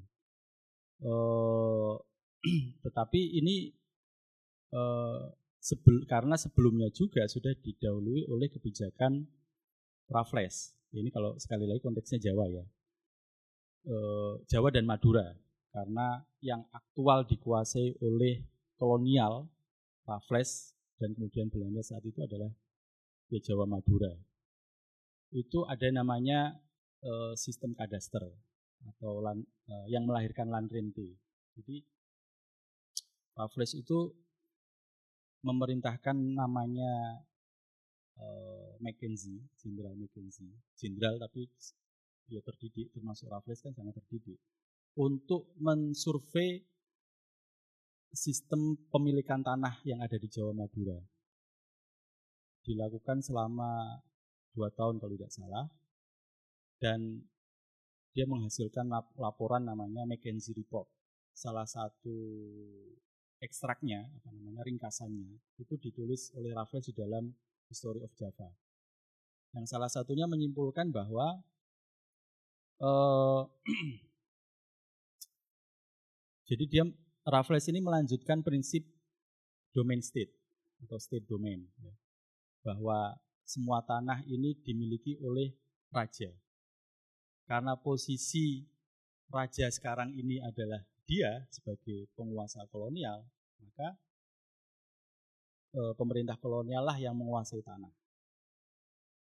Kecuali tanah-tanah yang bisa dibuktikan sebagai tanah milik individu. Maka itulah lahir namanya domain verklaring, kalau teman-teman pernah dengar. Domain verklaring itu gini, pernyataan domain. Domain itu kepemilikan. Mana saja tanah yang tidak bisa dibuktikan hak miliknya sebagai milik individu, maka tanah itu menjadi tanah milik negara. Itu kan pengambil alihan secara sepihak ya. Jadi mana saja yang tidak bisa dibuktikan milik individu, maka itu menjadi tanah negara. Yang bisa dibili, ditunjukkan sebagai milik individu, dikenai pajak tanah. Nah itulah awal dari pajak tanah formal ya, pajak tanah formal. Menggunakan uang, karena kalau tradisional itu menggunakan natura ya. Oh, kalau kerajaan tadi saya bilang oh, ngirim ke keraton melalui momentum apa tadi eh, sekaten gitu ya.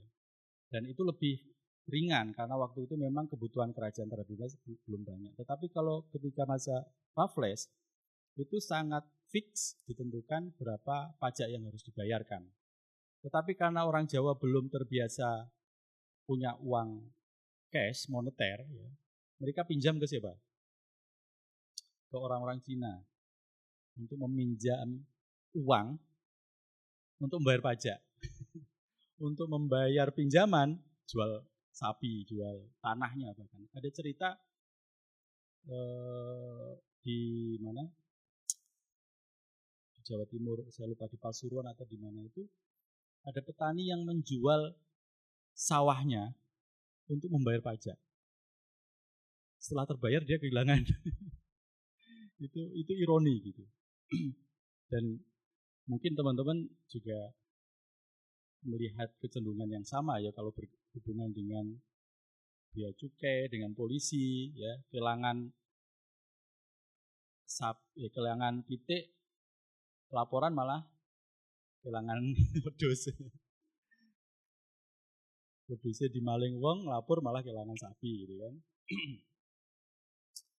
nah, itu kalau di Jawa awal mula dari sewa dan pajak tanah ya, yang kemudian memberatkan petani 1811 1806 Raffles membuat semua resah meledaklah 1825 perang Jawa. Nah, termasuk privatisasi tanah. Itu, itu awal privatisasi tanah. Nah, tapi di, di Raffles tadi itu sebenarnya juga oh, karena risetnya adalah menentukan jenis-jenis penguasaan dan pemilikan ditemukan juga namanya tanah-tanah komunal. Ada tanah eh, desa bengkok, ya, kan, tanah kas desa, tanah durwe desa, tanah pusaka, tanah eh, itu masih ada. Jadi ada tiga entitas ya paling tidak. Tanah pribadi, milik pribadi, kemudian tanah apa namanya? Eh, komunal desa dan tanah kerajaan. Tapi kemudian ini bisa beralih karena disewa untuk perusahaan perkebunan. Dan di sisi lain tanah milik pribadi dikenakan pajak tanah.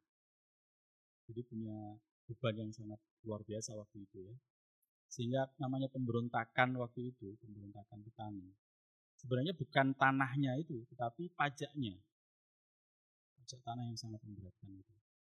Selain dia harus membayar pajak, dia masih juga melakukan kerja-kerja e, relasi patron klien dengan desa namanya kalau di Purworejo apa kerigan ya Mbak Mbak Nisa ya ada kerigan masih dengar istilah itu kerigan ya gugur gunung, gotong royong. Gotong royong itu sebenarnya eh, pengerahan tenaga paksa ya. Makanya disebut sambatan ya. Sambat sinambat. Apa namanya? Ya karena tidak mampu menanggung beban yang harus disambati itu ya orang lain berbarengan Tapi kemudian ketika era nasional yang sambat sinambat ini sudah menjadi budaya yang meskipun keterpaksaan ya dimodifikasi menjadi satu sistem komunal untuk saling membantu. Sampai pemerintahannya disebut sebagai gotong royong kan zaman Soekarno dulu kan. Demokrasi gotong royong bagaimana sistem pendidikan yang mengembalikan orang pada lingkungan ya? Ini mungkin saya mengulang yang sudah disampaikan pemateri sebelum-sebelumnya bahwa ya secara umum memang pendidikan kita itu kan melahirkan apa namanya kalau di Minang itu uh, yang orang hilang itu anak hilang itu. Apa namanya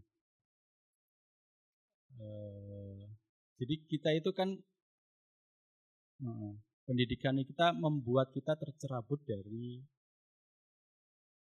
bumi pertiwi kita kan dan imajinasinya itu adalah ya kalau maju kemudian tinggal di kota. Dan trennya memang begitu. Sekarang posisi populasi di perkotaan sudah 60 sekian persen. 60 sekian persen meninggalkan pedesaan. Jadi ini ada ironi juga ketika kita ingin melindungi tanah leluhur, tanah air kita, tetapi pendidikan kita menjadikan kita itu terasing dari tempat lahirnya masing-masing. Kemudian secara skill juga kita juga sudah tidak lagi memiliki keterampilan dan pengetahuan yang memudahkan kita kembali ke desa. Tetapi ketika pun ke kota juga oh, diserap di sektor-sektor yang informal bahkan ya atau industrial yang membuat kita juga tidak memiliki kedaulatan yang cukup gitu kan. Sehingga kalau dulu disebut namanya foodless labor. Zaman kolonial itu sudah terjadi. Foodless labor itu apa? Tenaga kerja yang foodless itu apa? Lepas gitu ya. Yang ini di desa tertolak, di kota juga hanya apa? Penyamun gitu kan. Uh, nah itu menjadi masalah ketika depresi 1930-an itu ya. Itu kan depresi global, depresi ekonomi atau Malaysia global kalau di Indonesia disebut Malaysia, depresi global, runtuh ekonominya, sehingga orang-orang seperti ini mau diapakan? Kelaparan terjadi di mana-mana. Eh, perusahaan perkebunan tadi juga depresi, pekerja-pekerjanya ini sampai tidak bisa eh, tercukupi kebutuhan pangannya.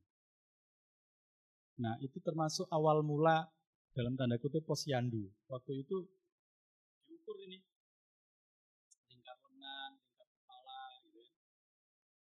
Yang eh, pekerja-pekerja perkebunan itu banyak sekali yang mengalami kemerosotan bobot tubuhnya.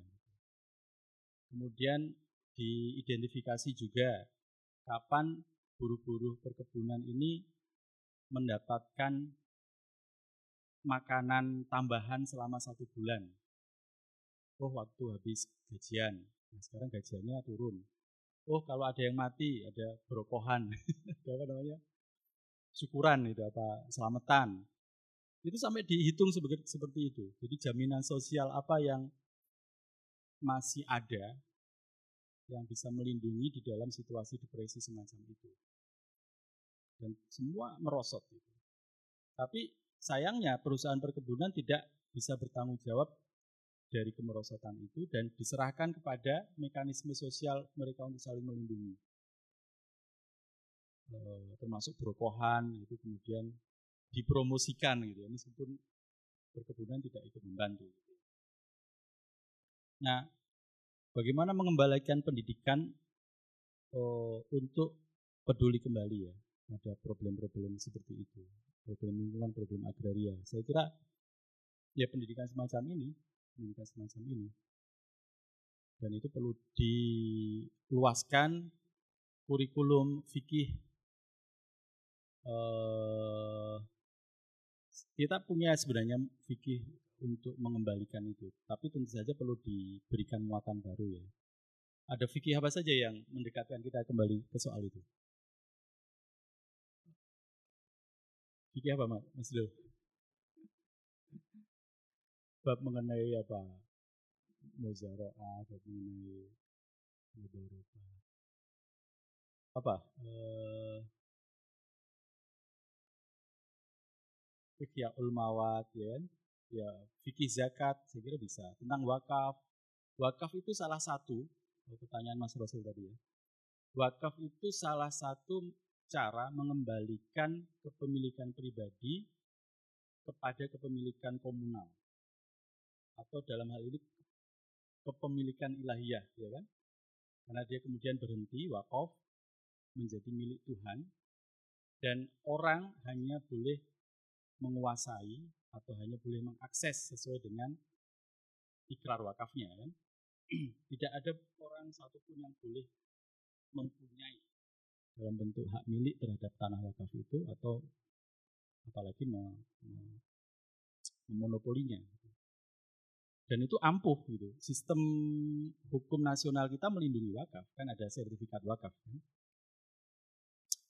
Saya pernah membaca juga sebelum sebelum era kolonial di, di banyak negara, di Pakistan, di Mesir, di e, beberapa negara Afrika seperti Maroko, e, saya nggak tahu di Indonesia belum ada penelitian yang mendalam itu.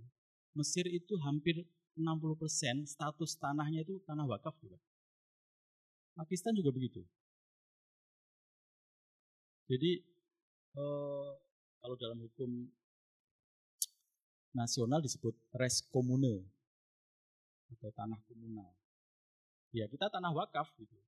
Anda bisa membayangkan kalau 60 sampai 70% status tanah di suatu negara adalah tanah wakaf, bagaimana dia bisa menghidupi kalau zaman Umar bin Khattab itu Baitul Mal kan untuk memodali negara, untuk memodali infrastruktur negara tetap berasal dari wakaf itu kan menarik untuk memberikan uh, kebutuhan untuk mustadafin dan sebagainya.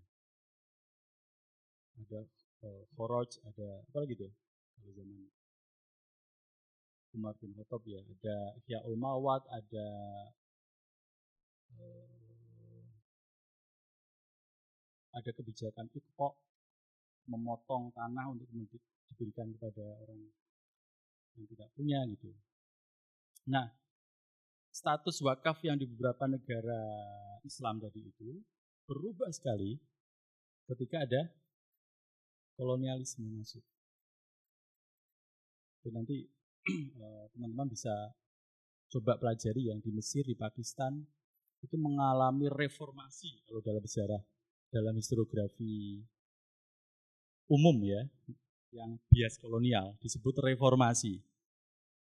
Tapi sebetulnya ya mengubah Eh, rezim properti yang menjadikan berbagai status tanah itu akhirnya masuk ke dalam rezim property right yang uh, yang privat.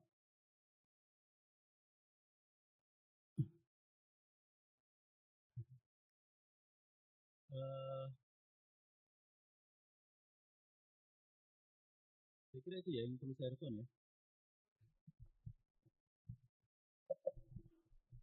Ya, eh, tepuk tangan dulu teman-teman untuk kita semua.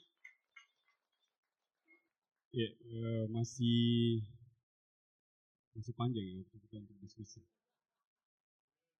Lanjut, yes. Ya, jadi eh, sebelum masuk ke sesi selanjutnya, nah eh, berbagai macam problem yang tadi sudah teman-teman refleksikan dan uh, sudah disampaikan oleh uh, pemantik kita ini. Nah, kelihatan di sana ada semacam perbedaan nalar hubungan antara manusia dengan tanah. Yang itu yang salah satunya perbedaan itu cukup tajam ketika eh, apa kapitalisme itu kemudian membangun satu nalar baru tentang hubungan manusia dengan tanah. Nah kurang lebih bahwa hubungan itu hanya soal hubungan produksi. Nah, eh, sedangkan eh, tanah bagi manusia Nusantara itu memiliki arti spiritual. Nah, eh, arti spiritual ini tidak hanya sekedar eh, apa ya eh, hubungan kita dengan tanah dan hanya tanah saja gitu, tapi apa seisinya gitu yang di atas maupun yang di dalam tanah. Nah, misalkan kemarin Mas Yasir itu sudah menyinggung terkait dengan sedekah bumi. ya. Nah, itu kan kayak kepala kebau dan lain-lain itu yang ditaruh di di dalam di kubur gitu. Nah, ini kan eh, kalau Mas Yasir prakteknya Mas Yasir itu kan ya praktek berislam berkebudayaan. Islam berkebudayaannya Mas Yasir itu kan eh, makanan-makanan sisa itu dikumpul kemudian dikubur. Nah, itu diniatkan, diniatkan untuk eh, cacing-cacing dan makhluk-makhluk yang lain. Nah, itu saya kira satu hubungan yang sangat spiritual antara manusia Nusantara dengan eh, tanah. Jadi tidak sekedar eh, jadi tadi kayak filosofi-filosofi pe- penghargaan orang terhadap tanah yang dianggap sebagai ibu bumi itu, nah tidak sebatas itu tapi berserta dengan makhluk-makhluknya. Kalau nalar produksi ini kan cuma melihat apa yang ada di balik tanah itu berkaitan dengan emas, migas dan macam-macam itu. Tidak memikirkan bagaimana nasib cacing gitu. ya kan kalau misalkan kita menggunakan nalar spiritual yang kayak tadi itu kan kita harus bicara kan kita jangan saya ingin bilang begini keberlangsungan hidup umat manusia itu tidak bergantung semata-mata bagaimana kita menghirup udara saja. Begitu. Tapi makan dari ya, tumbuhan yang tumbuh dari tanah dan itu eh, peran cacing di sana sangat besar bagaimana memproduksi apa tanah yang sehat subur dan lain-lain.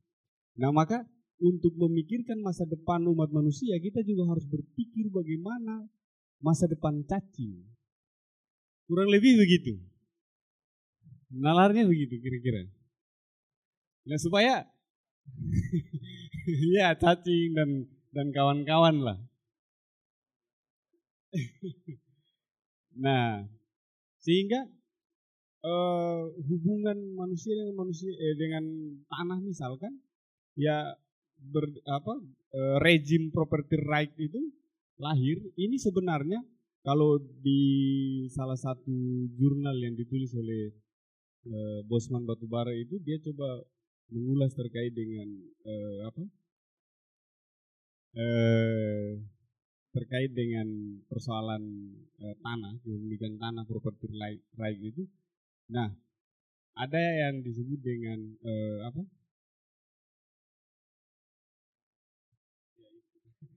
nah intinya begini jadi hubungan manusia berkaitan dengan sertifikasi tanah ini sebenarnya penciptaan akses terhadap tanah dan dalam teori akses sebenarnya mengakses tanah itu bukan berarti kemudian lalu dibangun perusahaan dan kita bisa mengakses semua.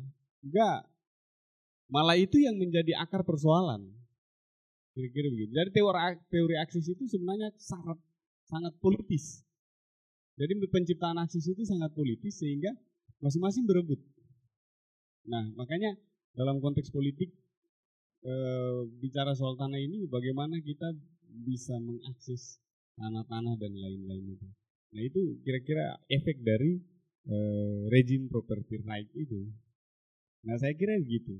Nah dan nalar itu jelas ya menunjukkan di kita bahwa ini sangat berbeda. Bagaimana orang Nusantara menghargai tanah dan eh, makhluk-makhluk lainnya, tanah dan kawan-kawan di dalamnya.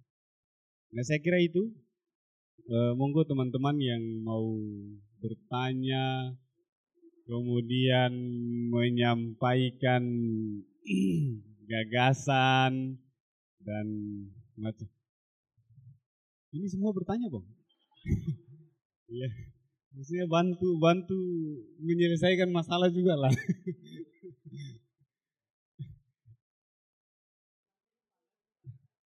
Oh, panitia dulu, panitia satu baru lanjut peserta. Satu. Kamu sudah sabar dulu. Dua, dua, tiga. Panitia yang mana nih? Mas Pasik dulu soalnya tadi.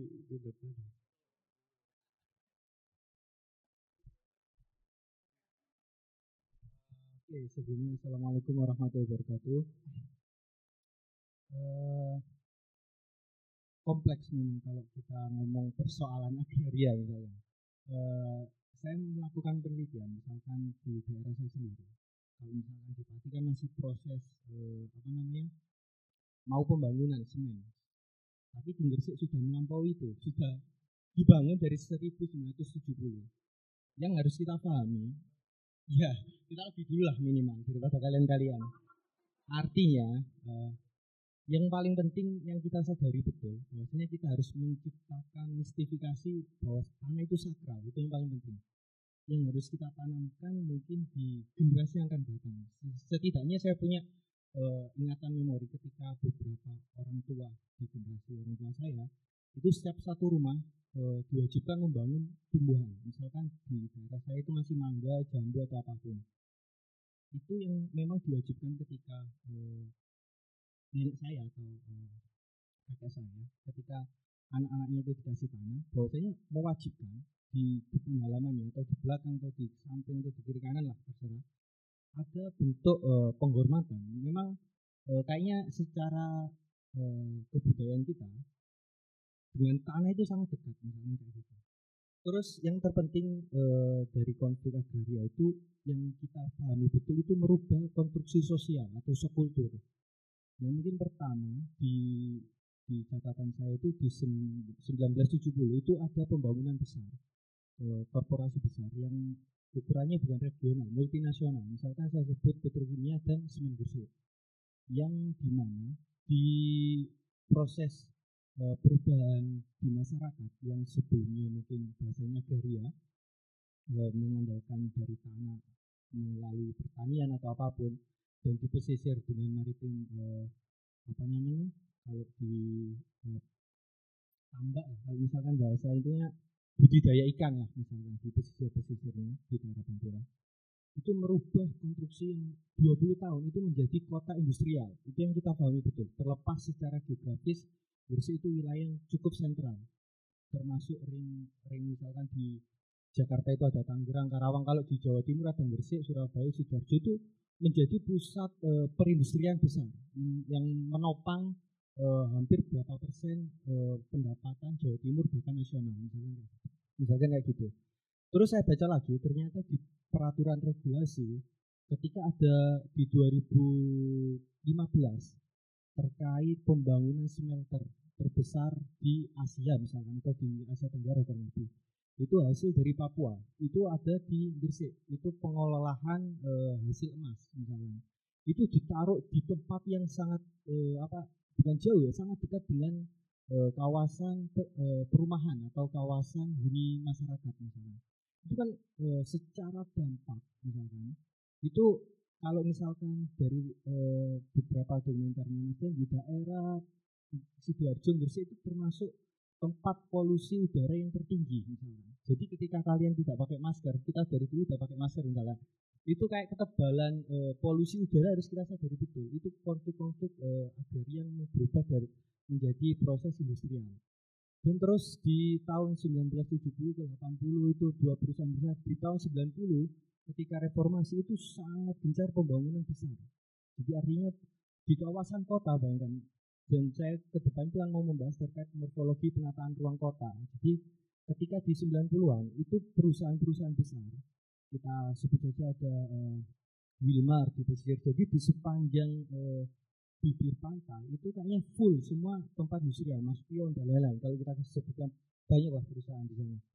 Nah artinya di di dalam regulasi pun kita akan tetap berbenturan ketika itu peraturan dari top down pusat.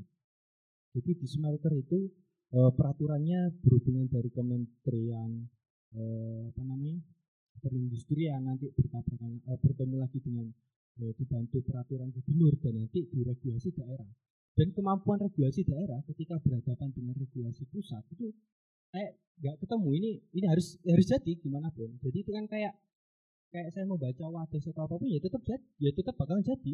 Konflik apa pun tetap bakalan jadi. Soalnya di balik topangan entah Ganjar atau uh, Purworejo itu sangat susah untuk celah celah uh, apa namanya uh, itu membang, membantu uh, pusat Borobudur misalnya itu posisi SPN kawasan strategis pariwisata nasional dan sebelum itu saya menemukan bahwa dari 2009 zamannya SB itu ada namanya bukan KSPN, namanya DPN, Destinasi Pariwisata Nasional. Artinya eh, kita pahami juga kita pembangunan pariwisata pun ini menguntungkan dari sisi eh, kerusakan misalkan. Daripada satu pendapatan devisa terbesar Indonesia yang pertama adalah minyak dan gas, kedua adalah batu bara, yang ketiga minyak e, minyak kelapa sawit. Artinya dari tiga itu sangat mudorot. Dan pariwisata ini kan secara mudorotnya itu lebih kecil misalkan. Tapi kan ketika wadis itu dirubah ada uh, master plan bahwasanya besok masyarakat dirubah dengan wisata ada bendungan dan lain-lain itu tetap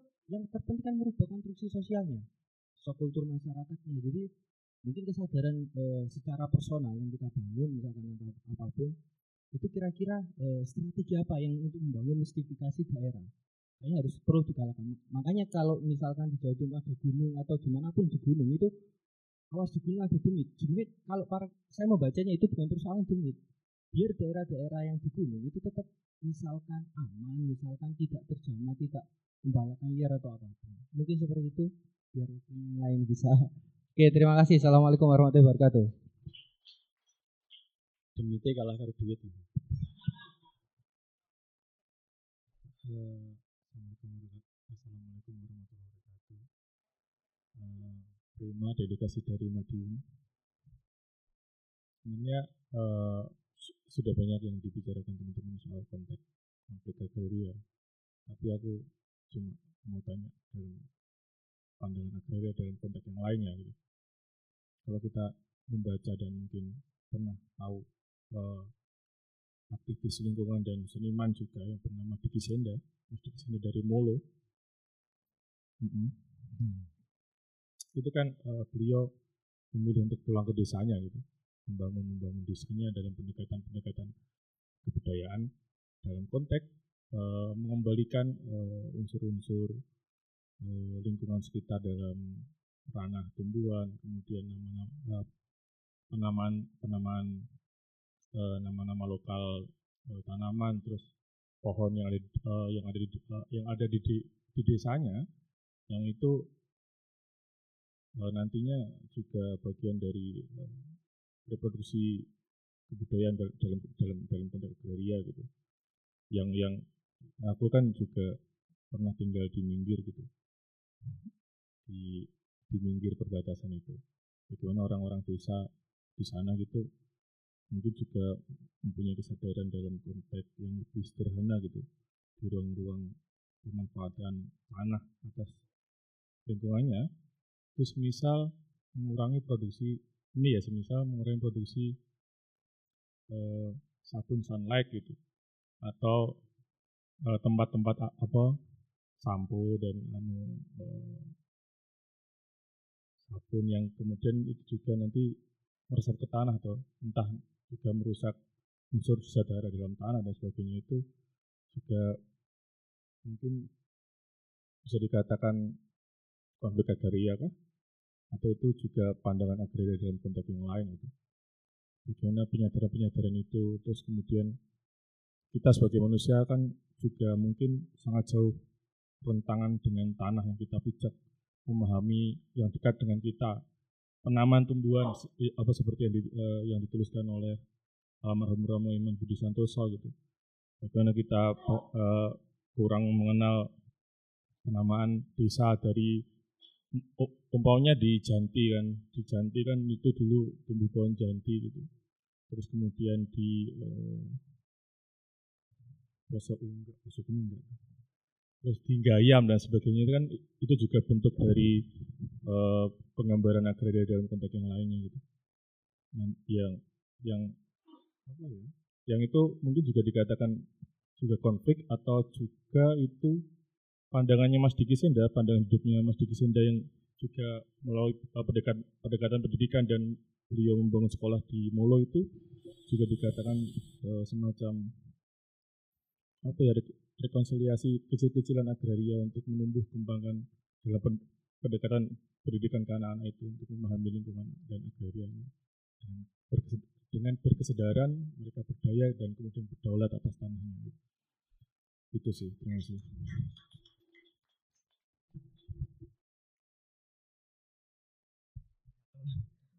Assalamualaikum warahmatullahi wabarakatuh. Selamat malam teman-teman. Saya udah dari kemarin pengen nggak eh, saya dulu sempat eh, apa ya begitu tertarik dengan isu agraria gitu ya sampai karena dulu di LPM gitu jadi begitu sampai menghayati karena saya daerahnya di Pati terus deket dengan konflik gitu mau nggak mau karena kesadarannya itu mendorong untuk gimana ini gitu? Sebagai anak muda kan mosok ya meneng wae tobung jadi kan setidaknya mengetahui peta konflik dan masalahnya gitu. Tapi dari dulu itu ketika saya mulai belajar dan pendekatannya adalah ekonomi politik itu selalu mentok. Piye iki kan? Ya maksudnya aku iki sopong ngono kan jauh banget jadi. Sehingga dalam kondisi seperti itu yang terjadi adalah sikap eh, apatis. Sehingga ketika wis mentok karena pendekatan ekonomi politik nggak bisa mengintervensi realitas sehingga ya wis lah acuh tak acuh dan mentok. Nah kemudian ketika saya terlibat berdinamika di Pak banyak hal yang mentransformasi kesadaran saya terkait bagaimana sikap kita memahami konflik-konflik sosial masyarakat kita termasuk agraria. Salah satu hal yang terpenting adalah tadi kita membahas problemnya begitu ya. Tapi kunci dari problem ini ada kebijakan itu kan manusianya sebenarnya. Manusia ini jadi PR terbesar kita gitu yang membuat kebijakan sehingga konflik hari ini itu kalau dulu kan lawannya jelas yaitu kolonialisme gitu ya penjajah yang itu yang lian dari kita orang lain gitu kita nembak itu mantep gitu loh tapi kalau sekarang kan saudara-saudara kita sendiri yang itu mungkin diramalkan oleh Soekarno gitu ya bahwa nanti eh, yang paling berat itu perang melawan saudara kita sendiri dan itu adalah pemerintah dalam konteks ini. Dari hal itu pendekatan yang memang paling logis dilakukan hari ini itu emang kita melakukan transformasi spiritual gitu ya dalam konteks bagaimana kita membangun kesadaran baru terkait eh, tanah, relasi tanah dan manusia itu sendiri. Dan ini relate dengan apa yang kita bicarakan dengan Islam berkebudayaan. Dalam konteks Islam, saya pikir banyak eh, apa ya hadis, banyak visi-visi keagamaan yang itu sebenarnya bisa menjadi landasan pijakan untuk membangun kesadaran itu. Tapi kan hari ini tidak teraktivasi gitu ya. Semacam terpotong atau semacam tidak terilmuai kembali gitu banyak tradisi kita gitu ya tradisi-tradisi di mbah-mbah kita tradisi leluhur kita itu sebenarnya juga punya visi yang kalau kita ngaji pagi itu kan jelas banget yang diterangkan oleh Pak Yai gitu ya bahwa manusia itu mikrokosmos dan makro, makrokosmos gitu jadi situ hablum minallah hablum minan alam hablum minas itu jadi visi yang melandasi keberagamaan kita tapi praktek keagamaan kita hari ini memang tidak apa visi-visi seperti itu seperti hilang. Kita terjebak pada hitam putih, pada konflik-konflik receh yang itu tidak signifikan dalam membingkai problem yang begitu mengancam kita gitu. Termasuk juga di tradisi kita gitu ya. Upaya teman-teman untuk bagaimana kembali ke alam itu juga ada upaya mistifikasi gitu. Tapi saya melihat ada kecenderungan mistifikasi yang dilakukan teman-teman itu juga tidak berakar gitu ya. Sama teman-teman banyak ya komunitas yang sekarang mensakralkan pohon, mensakralkan apa gitu. Tapi knowledge-nya itu kadang malah menjadi kayak orang barat eksotisme gitu ya. Seolah-olah ini ada demitnya gitu, ada kliniknya. Ya oke lah itu bisa jadi satu apa ya tawaran gitu. Tapi itu nggak akan jadi signifikan ketika kita nggak berangkat dari epistem pengetahuan masalah kita sendiri bahwa nalar ya begitu Mas Ais tadi nalar keagamaan kita itu kalau kita belajar dari historitas bisa berkebudayaan itu kan uh, hukum adat itu dibentuk dari uh, apa ya nalar keagamaan itu sendiri gitu ya sehingga menciptakan tatanan tuntunan dan uh, kotoran itu sendiri. Sehingga eh, ketika kita tidak berangkat dari akar epistemik yang berakar itu juga akan menjadi hanya jadi pariwisata gitu ya. Jadi hanya ritus yang yang tidak berdampak ke, eh, ke masyarakat gitu. Lebih baik kalau saya berpikir itu emang kalau kita bahasnya anak pesantren ya kita coba lagi merefleksikan ulang bagaimana ajaran-ajaran mbah-mbah kita gitu ya sama sedekah bumi. Itu kan sebenarnya yang sudah ada dan terlihat. Kadang problemnya adalah bagaimana kita tidak tahu reason pengetahuan bagaimana sedekah bumi itu hadir. Sehingga generasi kita pun terputus. Sehingga itu jadi hanya objek apa ya objek pariwisata gitu. Seolah-olah ini jadi festival jadi apa. Tapi yang tidak pernah tersampaikan di generasi kita adalah bagaimana nalar pengetahuannya. Sehingga itu menjadikan eh, eh, apa ya terpu- keterputusan kita dengan relasi dengan alam. Dan saya pikir generasi muda generasi kita punya punya ketika hari ini kita kekuatan ekonomi politik kita tidak bisa menggeser dominasi rezim begitu ya. Kita setidaknya punya upaya untuk merekognisi kesadaran kita atas itu melalui gerakan-gerakan kebudayaan yang itu sudah terjadi di tengah masyarakat. Melalui tahlilan, istighosahan, melalui apa itu itu yang ada itu kita hidupi kembali kemudian kita rasionalisasi dengan knowledge pengetahuan hari ini. Kira-kira itu dan saya pikir itu solusi yang ya, kewanan ya. Solusi tapi itu yang bisa kita lakukan hari ini melihat kontestasi yang mungkin Mas Lutfi sendiri sebagai pakar susah juga merumuskan bagaimana kita harus melakukan. Tapi dalam konteks pesantren kali opak tradisi itu jadi jawaban dari problem masa depan kita. Kira-kira itu terima kasih.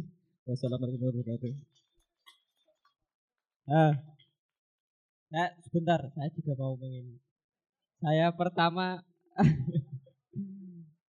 eh saya pertama terima kasih dan kagum banget dengan pemaparannya Mas Lutfi yang sangat teduh, adem dan dalam. Sehingga saya melihat ini berbeda terbalik dengan para pakar yang lain kalau ngomongin agraria yang selalu berapi-api, yang selalu membara dan selalu konfliktual dan emosional gitu yang itu sering kali membuat dilematis di tengah konflik-konflik yang terjadi. Kemarin ketika ada wadas itu, teman-teman yang tadi dari kan langsung perspektif yang diberikan kan konfliktual toh. Dan itu justru yang menjadi korban itu adalah masyarakat kecil.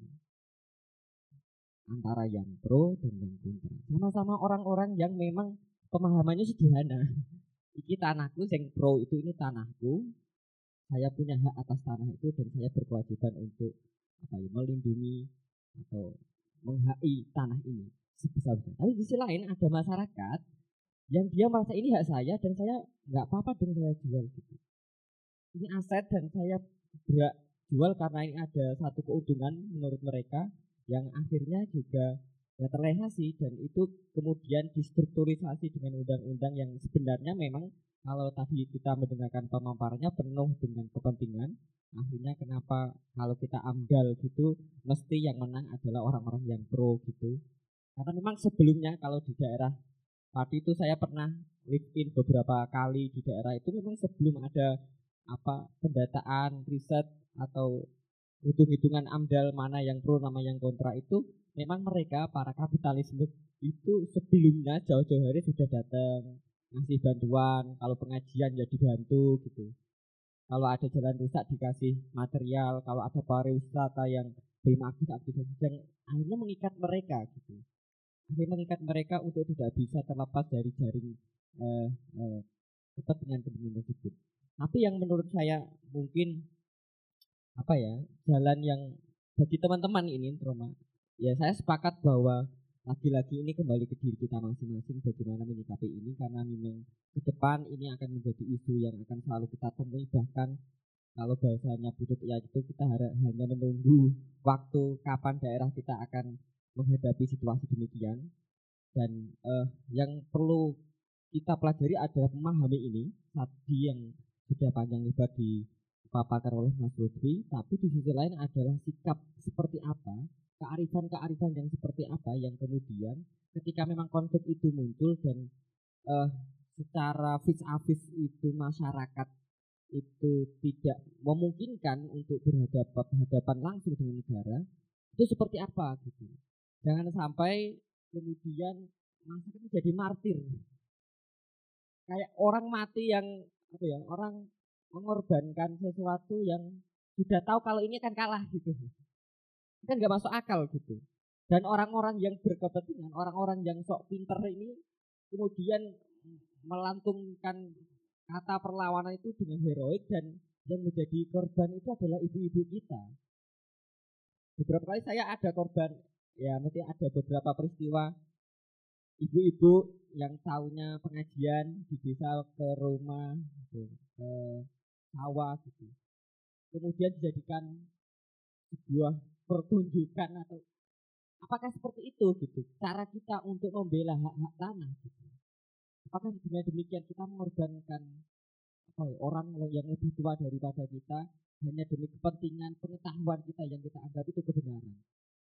Apakah kita nggak pernah mengoreksi kebenaran itu kebenaran kita secara holistik atau hanya kepentingan kita emosional dan reaksioner gitu? Sehingga pada akhirnya toh Nabi Basik mengatakan konflik itu nggak pernah memenangkan masyarakat. Gitu. Faktanya pabrik tetap berdiri, Rembang, Mades ya ke depan juga Kulon Progo bandaranya sudah bisa, bisa dinikmati oleh banyak masyarakat dan masyarakat yang tertindas ya dekat juga akan tetap tertindas. Saya nggak pernah, saya selalu bersikap bahwa jelas bahwa penggusuran atau pencaplokan hak itu sangat kita lawan, tapi di sisi lain bagaimana cara ketika konflik-konflik itu benar-benar terjadi dan kearifan-kearifan apa yang perlu kita munculkan agar masyarakat kecil, bapak ibu kita itu tidak kemudian menjadi korban atas kepentingan pengetahuan kita yang kadang sempit dan bias itu. Sekian terima kasih. Assalamualaikum warahmatullahi wabarakatuh.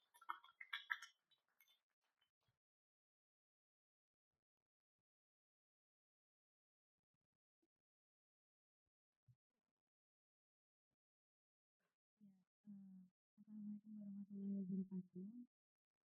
Makasih waktunya. Eh, makasih juga Pak pemaparannya menarik sekali. Eh, sebenarnya tadi tuh aku punya dua pertanyaan, tapi pertanyaan kedua sudah terjawab sama Mas Dul. Dua itu. Kalau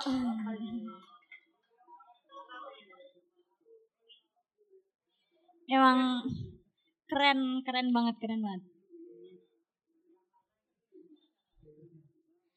Uh, terus pertanyaan saya itu mungkin mau lebih kan tadi udah dijelasin gimana kompleksitas hubungan uh, antara manusia dan tanah.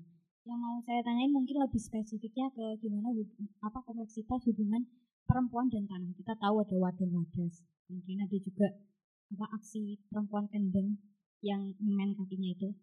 Mungkin uh, apa kalau ada yang bilang ya karena mereka uh, mata pencahariannya perempuan tuh mereka yang langsung bertani gitu. Tapi saya kira enggak ya karena uh, laki-laki dan perempuan uh, di Wades itu ya sama sama-sama bertani gitu mungkin saya mau tanya uh, apalagi sih hubungan yang bikin uh, perempuan dan tanah itu punya uh, keterikatan khusus gitu? Karena kok ada perempuan eh ada wadah wadas kayak gitu kenapa nggak ada laki-laki wadas gitu misalnya gitu jadi uh, mungkin ya saya saya nggak terlalu ngikutin isunya tapi ya uh, mumpung di sini uh, saya mau tanya itu aja makasih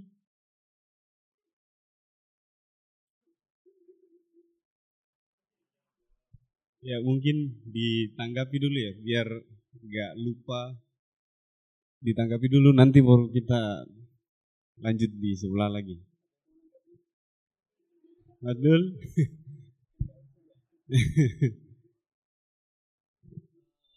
Terima kasih Mas Dulani. Dula ini, Dula ini. refleksi yang mendalam juga. Dan bagi saya memang kalau kita bicara sejarah agraria itu, itu juga sejarah diri saya gitu. Jadi pada akhirnya itu menubuh dalam sejarah diri saya dan persis seperti yang uh, Mas Do bilang tadi itu kemudian membawa dampak melalui pertanyaan aku ini sopo? gitu. Itu itu kerasa sekali. Setelah belajar dan menghadapi hidup itu aku ini sopo? gitu. Ketika eh, apa namanya bagaimanapun ya kita atau saya lah setidak-tidaknya itu lahir dari pesantren gitu.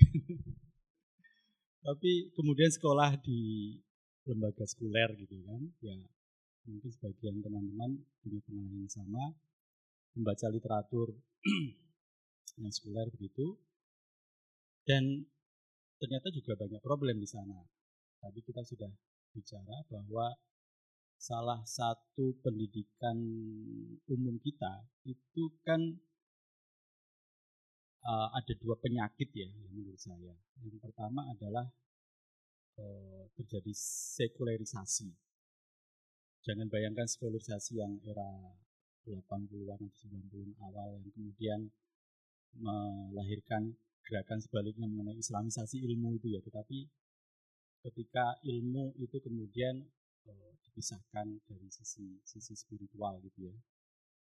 Lalu ilmu itu dipisahkan dari amal itu kan problem di uh, pendidikan perguruan tinggi kita gitu.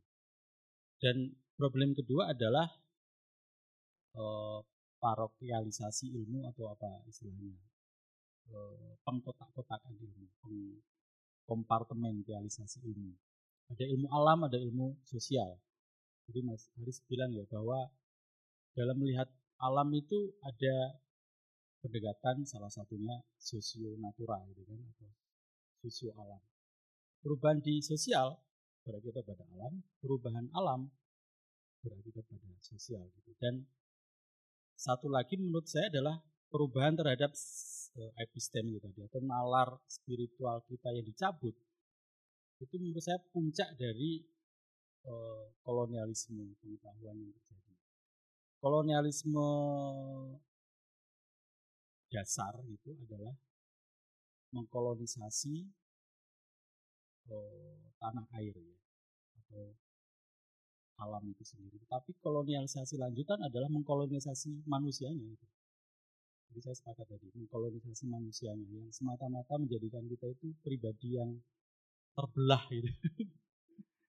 Sehingga harus dilakukan gerakan untuk mengembalikan kita sebagai istilahnya insan kamil gitu ya manusia yang sempurna bukan dalam pengertian uh, kualifikasi diri yang keren gitu kan kompeten kompetitif tetapi manus insan kamil yang yang itu tadi yang uh, diri kita yang semua ter, terpecah terfragmentasi menjadi diri yang utuh lagi yang menyadari bahwa al agraria dengan lingkungan aja terpisah ya kan mas gerakan agraria nggak nyambung dengan gerakan lingkungan. Gerakan lingkungan begitu juga sebaliknya.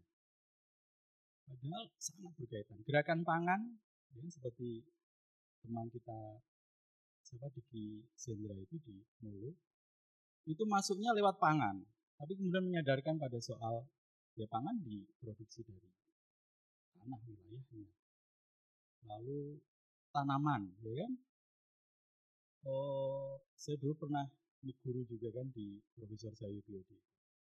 Beliau pernah cerita ke saya, uh, beliau itu kalau kalau kalau ngajari itu sederhana sekali gitu. Ini, uh, di daerah Anda sedang panen apa? Waduh apa ya itu? Terus dia sering kali nanya kesehatan. Biasanya kan basa-basi ya, gimana uh, kabarnya sehat kalau sakit ini minum apa gitu. Coba minuman ini gitu. Dan itu herbal. Eh, kita nyebutnya herbal ya. Padahal ya. Terus dia bilang, tahu nggak namanya ini apa? Wah, nggak tahu Prof. Wah, gimana? Usianya berapa? Terus dia bilang, orang anak India dulu itu umur 10 atau 12 tahun saya lupa itu hafal nama 300 jenis tanaman beserta khasiatnya. Saya pernah ngecek ya, eh, apa namanya, jalan-jalan ke eh, dengan teman gitu, belusuan gitu kan. Terus iseng aja, coba eh, kamu tahu nama tanaman di sekitar ini ada sampai berapa gitu. Ada yang cuma sampai lima. Padahal se misalnya kita masuk aja ke apa namanya mendadah-dadah apa namanya nah kebon gitu ya jadi bahasanya yang Wong padi wong tuban eh, masuk aja ke kebun. Coba eh, kita kenal sampai berapa nama. Plus khasiatnya, oh itu udah satu tantangan lagi ya. Plus ini gimana cara nanamnya? Uh, makin panjang lagi. Nah, betapa kita itu tercerabut dari eh, lingkungan yang sangat terdekat, akhirnya tercerabut dari diri kita sendiri. Misal gini, kita sakit apa, eh, tumbuhan ini khasiatnya apa, kita kan dialog. Tapi ketika kemudian kita menyerahkan pada medis modern, sampai kita nggak tahu kita itu sakit apa dan harus bagaimana, gitu kan? Menyerahkan, memasrahkan diri pada dokter gitu. Eh, sering kali dengan dokter nggak nanya resep jadi jadi bahkan kita nggak tahu tentang diri kita gitu. dan ya makan konsumsi itu sebenarnya kan proses dialog. Apalagi kalau sudah fast food ya udah nggak ada lagi dialog kan dengan itu. Kayak ayam aja makan jagung langsung ditelan gitu. Nggak ada proses kebudayaan yang mengantarkan kita pada dari makanan sampai ke mulut kita gitu kan. Jadi proses ke- proses, proses kebudayaan tercipta ketika ada jarak. Dan jarak itu membuat kita berdialog. Kalau nggak ada jarak dan dialog, nggak ubahnya kita seperti ayam, motol jagung langsung. Gitu ya. Pakai tangan aja enggak, jadi kebudayaan jaraknya sekali. Eh, jadi ya memang kemudian hmm, apa namanya ketika itu menjadi program eksistensial gitu ya sejarah agraria adalah sejarah diri saya lalu membuat saya kembali. Aku itu sopo kan. dan jalan saya ternyata lebih enak sekarang. Bener ya jalan saya lebih enak gitu kan. Terus mau nggak mau ya belajar kitab meneh kan. Padahal saya sampai hanya usia aliyah kuliah UGM wes nggak ngerti bablas sampai sekarang gitu kan. Padahal saya itu rumahnya depan persis mungkin kenal ya Mbah Fadl Senori itu depannya persis. Kakek saya itu depannya Mbah Fadl dia masih menangi mungkin umur berapa ya Mbah Fadl waktu itu udah gerah gitu kan ya seberangnya berbeda jalan raya gitu. Jadi itu sesuatu hasanah dan e, potongan sejarah yang saya lupakan gitu. Kenapa nggak kembali ke situ gitu kan? E, tetapi tantangannya memang itu tadi, bagaimanapun harus ngaji meneh, kemudian ketemu dan karena sudah belajar dengan uneven development. Apa tadi itu ya e, menurut makanya itu tadi perspektif boleh ekonomi politik, tapi kemudian artikulasi perjuangannya ya akhlakul karimah atau spiritual tadi itu. Karena kalau akhlakul karimah itu sudah menubuh pada diri gitu kan dan menjadi tindakan ya. Akhlak itu kan kalau bagi saya seakar kata dari holako kan harus ada proses penciptaan tindakan. Eh, ya holako holik makhluk bagaimana kita khalifah kemudian itu dan itu tidak memisahkan ilmu dan amal kemudian itu.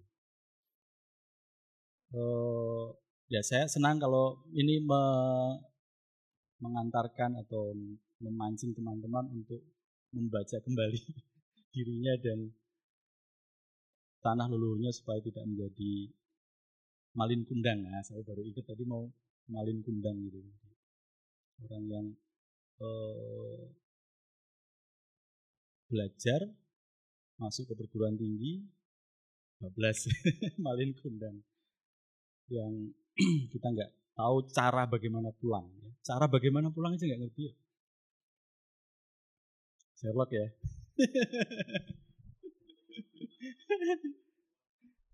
Sherlock masih ya uh, ya terima kasih kalau teman-teman bisa bersama-sama menjadi apa menjadikan ini sebagai bagian dari sejarah dirinya sejarah dirinya setelah belajar sejarah membuat sejarah. Wes. Eh, Mbak siapa tadi? Yasmin ya. Asli mana, Mbak? Bandung. Eh, perempuan agrari atau ini ya, peran perempuan. Ini sebatas yang saya tahu memang kenapa perspektif gender itu dibutuhkan ya, karena memang selama ini sangat eh, pendekatannya sendiri ya, eh, perspektifnya sendiri itu masih sangat laki-laki gitu ya. Dan itu tidak khas dalam studi agraria, dalam banyak kajian kan memang eh, perspektif gender itu belum berkembang gitu ya, belum berkembang. Oh, dan kalau melihat ya sepanjang yang saya tahu perspektif gender itu mengubah mengubah eh, kajian ilmu sosial. Jadi ketika melihat genealogi sejarah ilmu-ilmu sosial dunia itu ada pendekatannya misalnya yang di era-era awal itu uh, beralih dari uh, problem uh, spiritual kemudian profan gitu kan. Kemudian pendekatan kelas ya kan. Pendekatan apa namanya pendekatan etos kayak siapa uh, etos protestan itu kan satu pendekatan juga. Itu pendekatan di dalam sosiologi, sosiologi agama juga ada pendekatan uh, begitu kan. Uh, tapi pendekatan gender itu mengubah bahkan uh, bisa dianggap uh, perubahan yang paling radikal di milenium apa di, di, di setengah abad terakhir lah setengah abad terakhir itu berubah sekali uh, karena kemudian yang pendekatan-pendekatan lama itu pun akhirnya di, dianggap tidak lengkap kalau tidak di uh, integrasikan dengan perspektif gender. Jadi perspektif gender itu sendiri satu pendekatan yang otonom, tapi perspektif gender sendiri ini juga bisa diintegrasikan dengan pendekatan-pendekatan yang sudah ada, Misalnya pendekatan kelas. Uh, kelas yang gender seperti apa? Uh, Durkheimian yang gender seperti apa gitu, yang dan lain sebagainya gitu. Uh, pendekatan wacana yang gender seperti apa? dan dan. Dalam sastra juga ya sekarang berkembang sekali. Sejarah di Indonesia baru sekali baru saja muncul gitu pendekatan gender belum banyak. Nah di studi agraria ya mungkin baru 20 atau 10 tahun terakhir yang paling intens gitu ya. Uh, saya nggak terlalu paham e, bagaimana itu kemudian dioperasionalisasi secara lebih rigid ya. Tetapi kalau yang kita lihat selama ini argumennya seperti yang Mbak Yasin tadi itu bilang bahwa karena perempuan adalah pihak yang paling e, e, mendalam terkena dari dampak-dampak apa namanya dampak dari masalah-masalah agraria atau lingkungan itu. Misalnya air ya derajat uh, terkena dampaknya itu lebih besar daripada laki-laki karena dia yang harus masak nyari air untuk mandi mandiin anak ya kan? Uh, laki-lakinya taunya pokoknya sudah ada setelah itu pergi cari uh, pekerjaan gitu kan? Kerja gitu. Tapi yang yang sehari-hari di situ adalah perempuan gitu kan. Uh, jadi di wilayah domestik ya kita nggak mengecilkan arti domestik tapi justru keluarga itu adalah tempat kita berangkat dan berpulang gitu kan itu justru uh, ambrol ya. Justru ambrol. Karena airnya tidak berdaulat ya kan? Uh, ya menurut saya justru rumah kita itu bisa ambrol bisa mengalami kerapuhan di tingkat pertama. Eh, dan itu yang paling kerasa sehari-hari adalah perempuan. Gitu ya. Karena Eh, jadi itu tadi yang pertama adalah kita sebagai manusia itu juga sudah di dilepaskan dari sisi spiritual. Kita sebagai keluarga itu juga sudah sudah dibuat ambrol gitu kan. Oh, perspektif ekonomi hanya melihat keluarga sebagai unit ekonomi ya kan berapa anggota keluarga berapa yang usia produktif kan begitu. Eh, nah menurut saya studi agraria adalah mengembalikan tentu saja keluarga sebagai unit yang pertama awal dan bagaimana dia berdaulat. Ya termasuk pangan obat tadi ya. Yang obat-obatan udah belum? Oh nanti ya Pak siapa Pak Tommy ya itu dokter yang udah tobat juga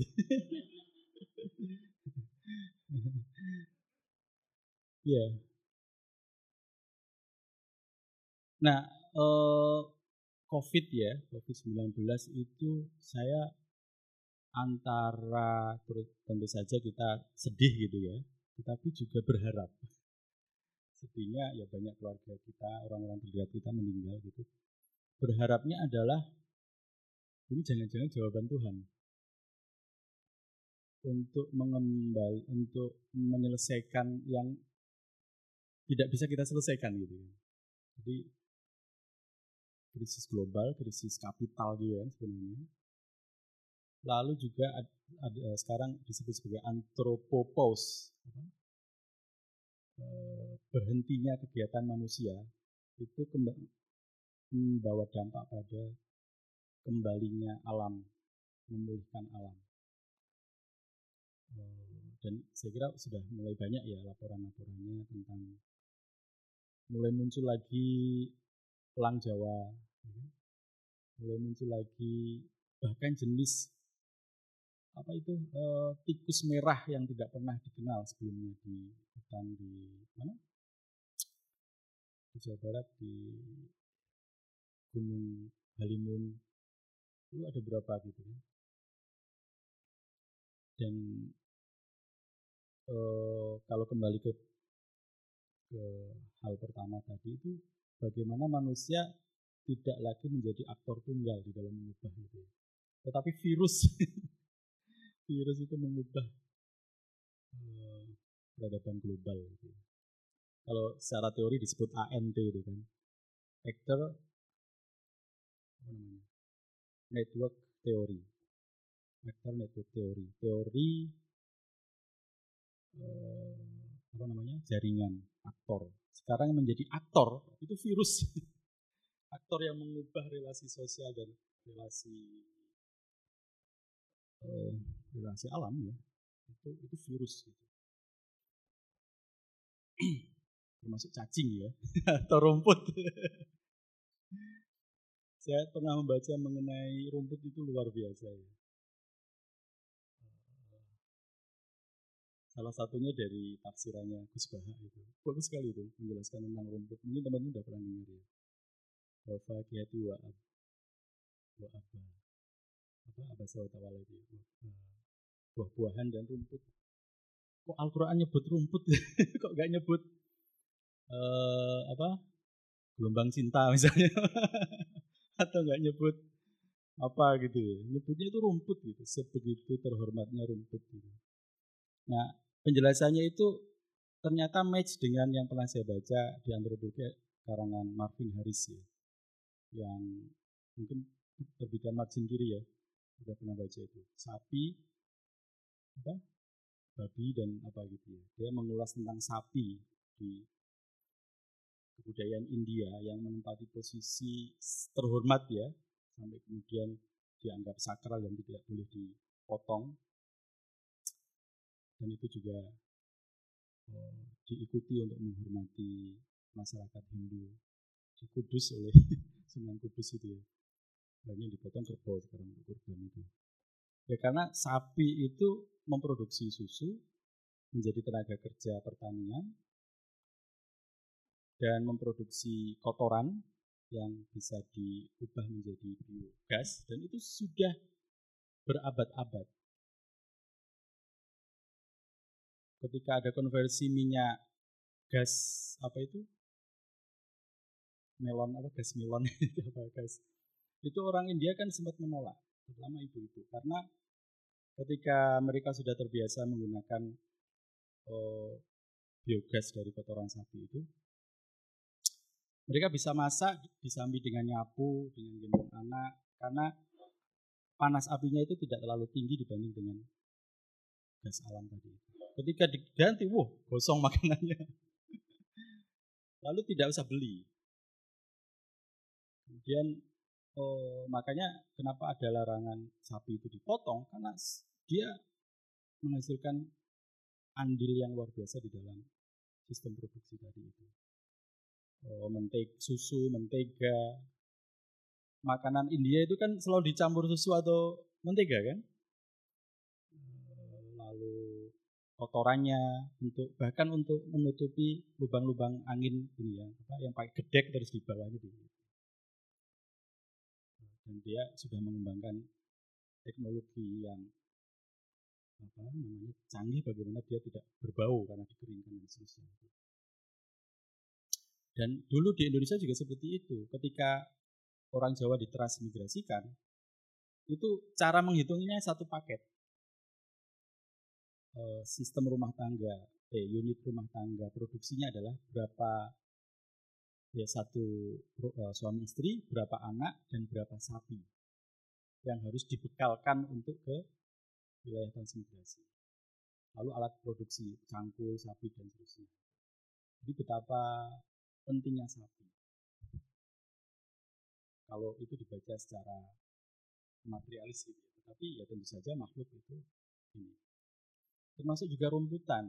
Rumputan saya baca itu ya, oh, 70 persen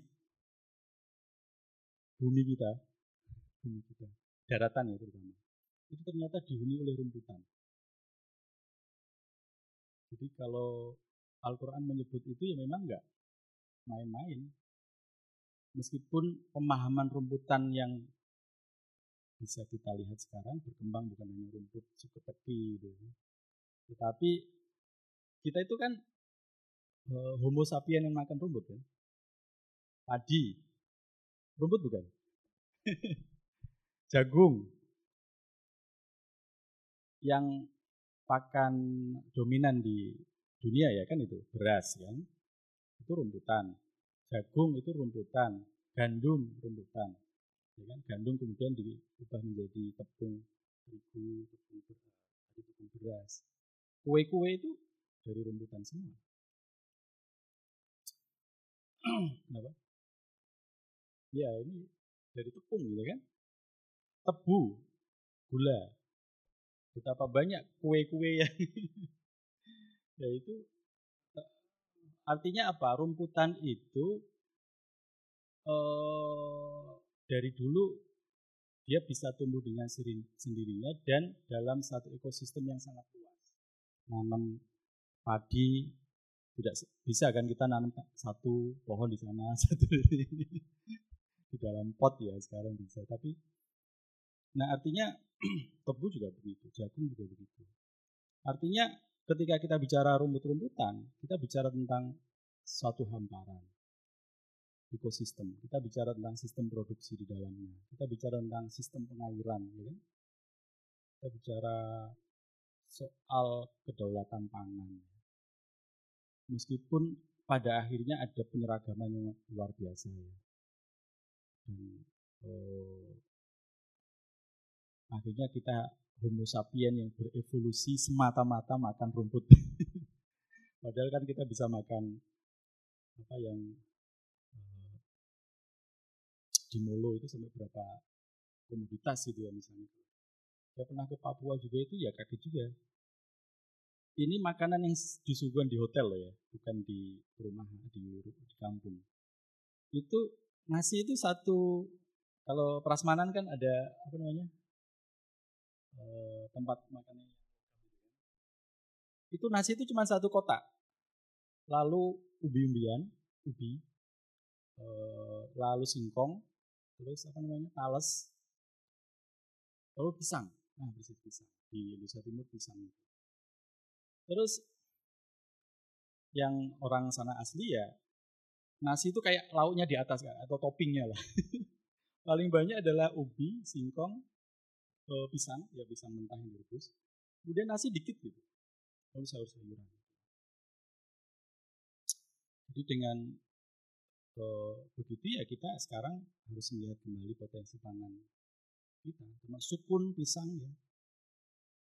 Oh, ini satu cerita lagi. Profesor Sagu dulu eksperimen ya yang, di, yang dijadikan kelinci percobaan itu kita kita santri-santrinya tapi teman saya bukan saya diminta untuk makan pisang selama dua minggu. Jangan makan nasi. Jadi uh, pisang dan sayuran atau buah. Untuk mendetoksifikasi tubuhnya dan ya bener enteng gitu ringan tapi nggak kuat setelah itu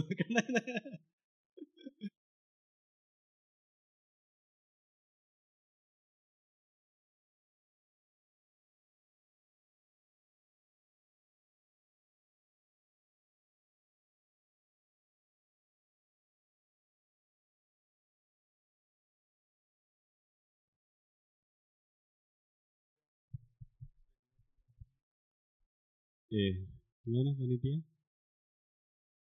Jam 11.49 masih beberapa menit lagi. Ya kalau lebih sedikit kan anugerah kita pahami begitu saja lah. Kira-kira begitu.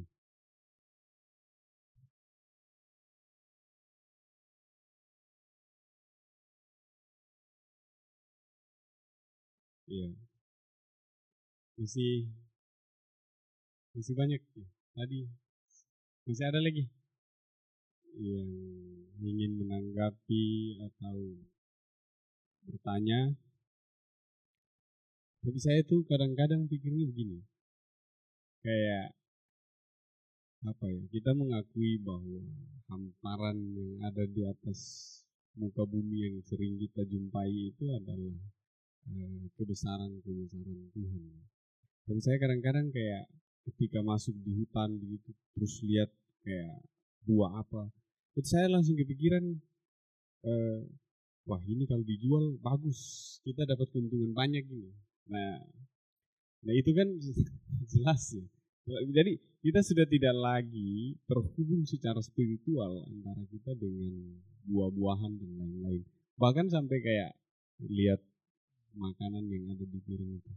Artinya kita malah kehilangan itu sejarah produksi barang yang sudah siap saji. Nah itu saya merasakan betul juga sih soal itu. Nah eh, teman-teman ada yang ingin menanggapi atau sudah capek? Ada? Ya makanya angkat tangan tuh. Satu, dua, tiga. Oke, tiga ya. Mbak nih? Nggak jadi.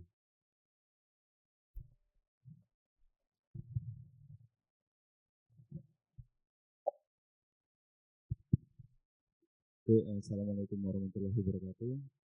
Uh, izin bertanya, sebelumnya perkenalkan nama saya Restu dari Wonosobo. Uh, sebelum uh, merujuk sebuah pertanyaan yang akan saya tanyakan, uh, Alangkah intinya saya merujuk sedikit kepada kalam Tuhan, firman Tuhan dalam Quran surat Ar-Rum ayat 41. Jadi itu bunyinya itu Darul fasadu fil bari wal bahri bima kasabat aidinas. Yudhikahum ba'doladi amilu la'alam yarji'un.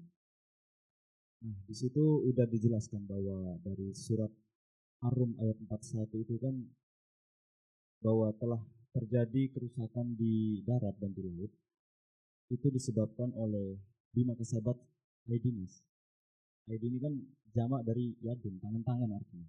Tangan-tangan dan nasnya itu, itu ada kalau dalam apa? Kaidah itu lam ta'rif. Lam ta'rif itu ya fungsinya itu membuat yang nakiro umum itu menjadi sebuah yang ma'rifah. Jadi artinya memang uh, dalam surat Arum itu ayat 41 ya telah terjadi kerusakan di darat dan di laut itu disebabkan oleh tangan-tangan manusia. Nah, tapi manusia itu di sini kutipnya segelintir manusia. Itu. Nah, kemudian daripada itu eh, sedikit tadi juga menyangkut dari apa eh, pernyataan dari Mas itu. Dalam mata kuliah saya itu ada eh, tentang integrasi akhlak, yang mana di situ ada seperti apa segitiga gitu, segitiga eh, antara Tuhan, terus manusia dan alam gitu. Artinya eh, ketika kita melihat sebuah integritas ini kan bahwa alam dan manusia itu sejajar dengan manusia. Eh, alam dan manusia itu sejajar. Maksudnya horizontal di bawahnya itu segitiga itu. Dan Tuhan itu atau Allah itu letaknya di atas. Artinya ketika kita eh, mengeksploitasi alam atau menyakiti alam, karena alam ini juga terdiri dari udara, air dan daratan itu. Artinya kita juga membangkang pada ibu yang kita sebut sebagai ibu bumi itu. Seperti itu.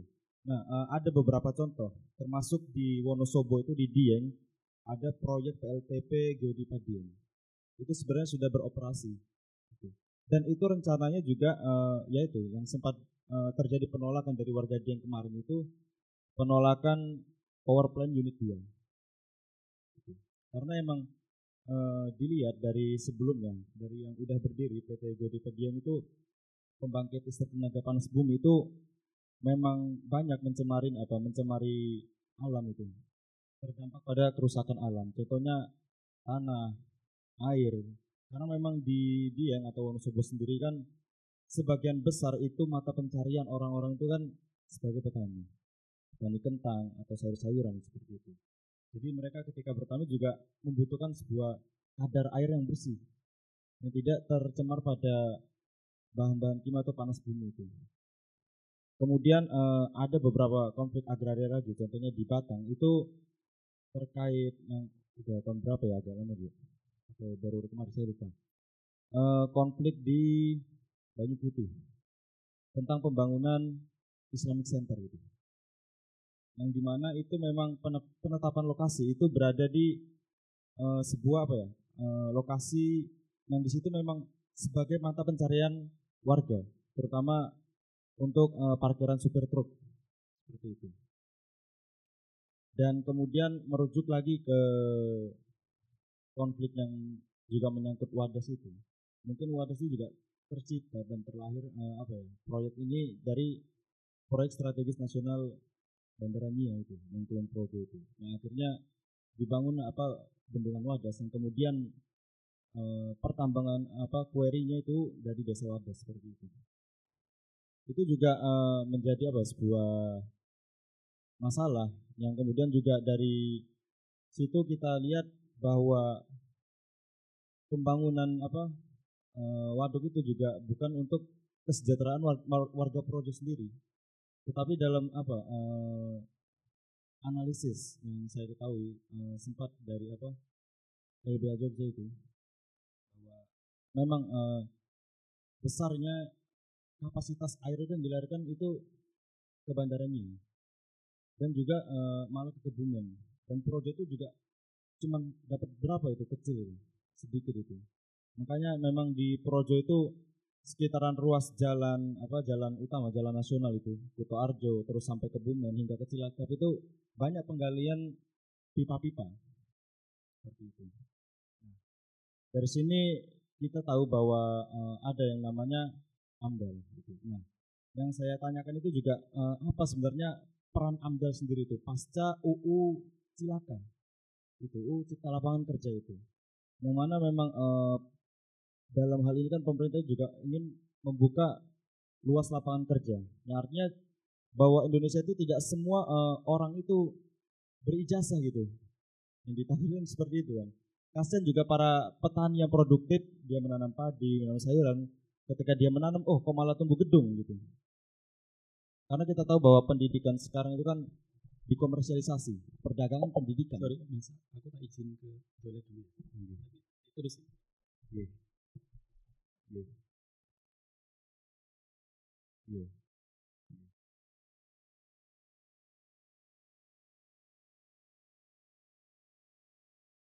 Nah, di Wonosobo sendiri itu, Wonosobo itu tercap sebagai kabupaten termiskin ke kayaknya sebelum yang terakhir itu.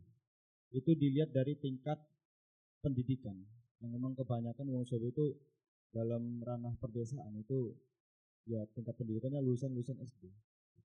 Kalau memang sebuah eh, apa ya taraf kemiskinan kota atau kemiskinan kabupaten itu dilihat dari sebuah sistem pendidikan, mungkin tidak ada aja, mungkin apa sebuah sistem pendidikan di Indonesia ini seperti itu. Mungkin eh, yang saya tanyakan ya peran amdalnya itu pasca UU itu, karena memang saya juga mengutip ya eh, ada kata-kata bagus quote dari Gus Dur itu karena yang lebih penting dari politik adalah sebuah kemanusiaan.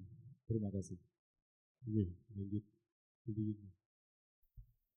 Oke, eh, saya lanjut sedikit lagi. Mohon maaf, eh, ini agak penting juga karena saya juga asalnya Projo di ruas apa, pan, apa eh, Jalan Selatan juga, tinggalnya di situ di pesisir itu. Jadi yang saya tanyakan ini kan ada juga rencana eh, tol Jogja Cilacap. Nah, karena jenengan juga apa, mohon maaf eh, pakar agraria, mungkin bisa dibedah itu terkait apa eh, rencana tol Jogja Cilacap seperti itu. Kan ini juga eh, menjadi multi efek juga bagi kemaslahatan antara hak dan kemaslahatan atas kelestarian dan keseimbangan alam seperti itu. Karena memang di ruas jalur-jalur selatan itu kan rata-rata memang banyak sana itu seperti sawah, kemudian eh, para pekerja juga petani produktif seperti itu. Ya, lanjut. Assalamualaikum warahmatullahi wabarakatuh. Perkenalkan nama saya Iwan dari Madura. Eh, di sini saya lebih eh, bercerita tentang konflik agra- agraria di Madura, khususnya di Sumeneb. Sebagai pengantar, di sini di Madura sendiri secara umum ada istilah pemengkang, ada istilah tanah sangkol yang apa tadi tanah warisan. Di sini pemengkang di sini apabila dijual apabila dijual akan dikena laknat, dipercayai sebagai dikena laknat. Eh, dan apabila di dirawat atau dijaga, hidup kita akan menjadi makmur. Mungkin seperti itu nantinya. Nah, pada konflik agraria di Sumeneb khususnya di kalangan pesisir di daerah saya eh, sejak tahun 2015 di sini investor di investor asing sudah menjajah ke, ke sana ingin membangun tambak udang yang dikhawatirkan oleh masyarakat setempat di sana eh, limbah yang dibuang limbah yang dibuang di sekitar itu mengancam terhadap apa lingkungan bahkan bisa merusak lingkungan. Sehingga pada saat ini banyak apa banyak pohon-pohon yang sudah mati. Tidak tanah itu tidak lagi subur. Eh, dan yang sangat dikhawatirkan jika limbah tersebut mengancam terhadap fosfat maka akan mengancam terhadap masyarakat minim krisis air. Eh, dan yang lebih tragis lagi para pejuang agraria saya sebut para pejuang aktivis agraria di Sumeneb khususnya ini terancam. Terancam geraknya tidak lagi bebas bahkan bisa mengancam terhadap nyawanya sendiri apabila terus memaksa Eh, setelah saya menceritakan tentang kegelisahan masyarakat Sumeneb khususnya konflik agraria di sini eh, setidaknya saya khususkan lagi di sini kepada peserta apa aj- ngaji ngaji posonan ya.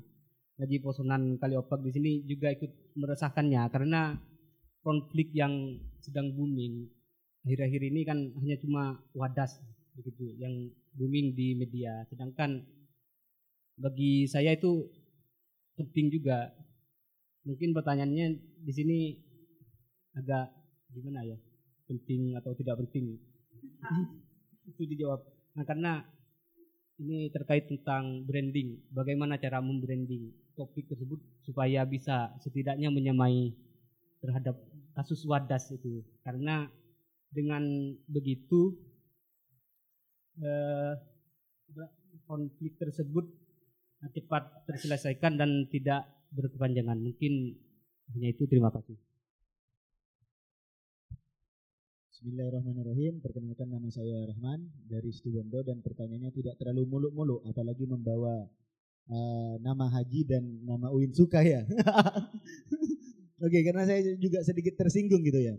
Dan pertanyaannya adalah sebenarnya langkah kita ke depan apa? Karena kalaupun ditinjau uh, dari makosidus syariah di situ, di, situ ada ada prakata hibdul bi'ah atau menjaga ya itulah. Kemudian dalam apa dalam kajian tafsir itu akan muncul tafsir ekologi. Jadi sebenarnya ini apa pertanyaan yang harusnya kita jawab bersama karena kita tahu eh, kajian-kajian ekologi atau agraria, agraria dan sebagainya ini sudah lama gitu. Bahkan bukan dikatakan basi karena belum ada problem solving. Bahkan kalau kita uh, berkaca kepada pemerintahan sekarang dan apa pemindahan ibu kota itu bukan termasuk problem solving tapi masuk dalam ranah lari dari kenyataan bahwasanya Jakarta dia tidak akan terbebas ya dari problem-problem yang tidak jelas gitu ya.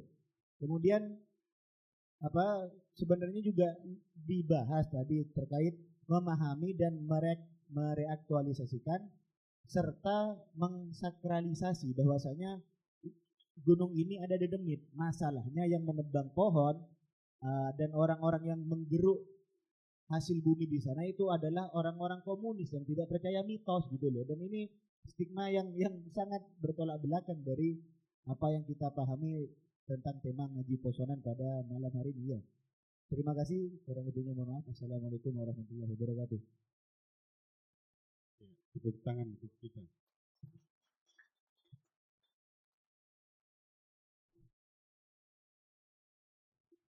Iya, ada tiga pertanyaan yang cukup mendasar juga bagi saya. Yang pertama itu soal apa peran AMDAL dan kemudian eh, sedikit mengulas tentang tol Jogja Cilacap. Nah, kemudian yang kedua eh, tentang penting atau tidaknya kasus di berbagai daerah dan bagaimana caranya kita melakukan branding isu Nah, yang selanjutnya ini pertanyaan yang cukup eh, berat juga ini. Langkah kita ke depan apa? Nah, mungkin itu bisa ditanggapi. Ini bisa sampai jam berapa ini? uh, ya sebisa saya ya, se tentang amdal itu mungkin gini kalau mau pakai kaidah usul fikih sesuatu itu eh, segala sesuatu itu dilarang sampai ada dalil yang membolehkannya. Jadi hukum dasarnya itu saya kira begitu. Mengeksploitasi tanah ya, atau alam itu dilarang sampai dengan ada dalil yang membolehkannya. Nah, amdal itu kira-kira seperti itu. Bahwa mengubah atau bahkan menghancurkan tanah ya, atau alam itu dilarang sampai dengan ada dalil yang membolehkannya. Makanya dia disebut sebagai analisis eh, dampak sebenarnya ya kerusakan lingkungan, lingkungan fisik maupun lingkungan sosial ekonomi dan spiritual. Jadi kalau melakukan amdal secara benar, secara komprehensif, memang yang diperiksa adalah dampaknya bukan hanya dari sisi fisik tanah itu atau alam itu saja, tetapi juga dampak e, sosial, ekonomi, bahkan spiritual. Itu kalau mau benar. Jadi e, investasi atau perubahan terhadap bentang alam, ya kalau bahasa orang geografi biasanya begitu. Perubahan terhadap bentang alam itu dilarang sampai dengan ada dalil yang membolehkan uh, perubahan itu. Sehingga ketika AMDAL itu memeriksa misalnya di sana ada berapa mata air. Kalau terancam penggantinya seperti apa? Jadi ujung AMDAL itu sebenarnya adalah ketika ada pengganti itu tidak eh, lebih buruk daripada kondisi sebelumnya atau syukur-syukur lebih baik daripada kondisi sebelumnya. Itu amdal yang ideal loh ya. Kita ngomongnya ideal. Lalu kemudian kalau ada orang yang terusir dari situ, eh, dia selama ini penghasilannya dari mana? Siapa saja yang terlibat di dalam aktivitas ekonomi rumah tangga itu. Lalu ketika dia dipindahkan, ada resettlement, itu eh, apa namanya? Aktivitas ekonomi apa yang akan menggantikannya? Lalu ruang-ruang spiritual juga begitu. Jadi sebenarnya kompleks sekali kalau AMDAL itu. Nah, saya sempat mengikuti bedah AMDALnya Padas ya di eh, mana UGM di kajian anti korupsi UGM. Salah satu yang membedah adalah namanya Pak Suryo Adiwibowo. Itu bisa dibilang salah satu pakar AMDAL ya yang benar yang benar itu beliau bilang iki sejak tahun 70-an sampai sekarang kok nggak berubah gitu abal-abal betul gitu amdal e, untuk wadas itu dari sisi teknis saja ya e, apa namanya beliau menyajikan bahwa cara menghitungnya aja salah cara menghitungnya itu ditambahkan begitu saja tanpa melihat karakter masing-masing kerusakan. Jadi misalnya ada mata air berapa yang hilang, eh, 10 katakanlah gitu ya. Ada berapa masyarakat yang tergusur eh, 300 misalnya. Terus ada berapa ekonomi yang akan berkurang gitu. Misalnya rata-rata satu bulan 3 juta gitu. Itu ditambahkan semua gitu. Di ini eh, berapa tadi jumlahnya itu sama dari dari penambahan semuanya itu. Padahal ini masing-masing entitas itu berbeda dan masing-masing entitas ini eh, membutuhkan solusi yang berbeda-beda. Karena amdal itu ujungnya adalah sol, eh, ya solusinya seperti apa ketika itu harus terjadi. Makanya kalau teman-teman mengikuti apa namanya ringkasan dari bedah amdal itu kan, lima ayam dibikin metafor kan lima ayam ditambah dua sapi ditambah berapa kambing misalnya sama dengan berapa ya, nggak bisa kan itu tiga entitas yang berbeda. Sampai yang apa namanya eh, di Instagram itu kalau teman-teman baca kan sampai digambarkan ikan yang wajahnya ayam atau ininya gitu. Ini dampaknya jadi seperti ini artinya semakin nggak jelas gitu. Jadi amdal sekali lagi adalah alat pengerem. Sesuatu itu diharamkan sampai ada dalil yang membolehkan oh, itu terjadi gitu kira-kira begitu ya jadi amdal itu selevel dengan ibadah ya sebenarnya dalilnya ibadah kan gitu ibadah makhluk kullu syai'in haramun ala khilafihi bukan muamalah dia itu. Lalu apa tadi? Tol ya. Oh, sebenarnya bukan hanya tol ya dalam kasus spesifik ini Jogja mana Kebumen ya. Ya Jogja Cilacap ya. Tetapi infrastruktur itu kita harus mengakui memang dibutuhkan. Ya kan? Infrastruktur itu dibutuhkan. Eh, kita belum ngomongin hak ya hak atas tanahnya kita ngomongin tujuan dan manfaat infrastruktur itu untuk siapa untuk siapa uh, misalnya ketika kali opa ini bikin pesantren begini kan butuh jalan kan gitu butuh bikin jalan. Tapi jalan itu untuk apa? Untuk siapa? Nah apakah jalan itu untuk rakyat ya? Ataukah jalan itu untuk mempermudah laju investasi, laju kapital. Nah, sebenarnya kita pernah punya pengalaman sejarah pembangunan Dendels itu yang dikenal bangun apa? jalur anyar anyar panarukan gitu kan. Itu murni karena untuk menyedot apa tadi? produk-produk dari hasil perkebunan yang ada di pedalaman. Jadi dia kayak pipa yang eh, pipa-pipa pipa-pipa kecilnya itu ya diarahkan ke pedalaman ya, untuk kemudian disedot dan dialirkan ke pipa besar alur ke Anyer Panarukan. Ya jalan memudahkan kemudian barang-barang komoditas itu dijual ke pasaran global. Maka Anyer Panarukan itu sebenarnya kan eh, berujung pada pelabuhan ke pelabuhan ya kan? Pelabuhan eh, Bakahuni dulu namanya ya Anyer itu ya. Kemudian eh, Jakarta, Batavia, lalu Semarang, Surabaya sampai ke ujung timur sana itu. Jadi akhirnya rakyat pedalaman orang Jawa dalam hal ini hanya ditempatkan sebagai buruh-buruh untuk memproduksi bahan-bahan komoditas yang hasilnya disedot. Ya. Tapi kalau eh, jalanan yang dibutuhkan adalah untuk membangun yang seperti itu tadi, maka itu memang dibutuhkan untuk kaya. Kayak di mana misalnya di nggak usah jauh-jauh lah di ini saja. Apalagi Papua ya. Eh, kan kita sering itu lihat berita atau berita foto terutama. Anak yang harus apa namanya mempertaruhkan nyawanya melewati jembatan gantung yang sangat tidak layak hanya untuk ke sekolah gitu kan.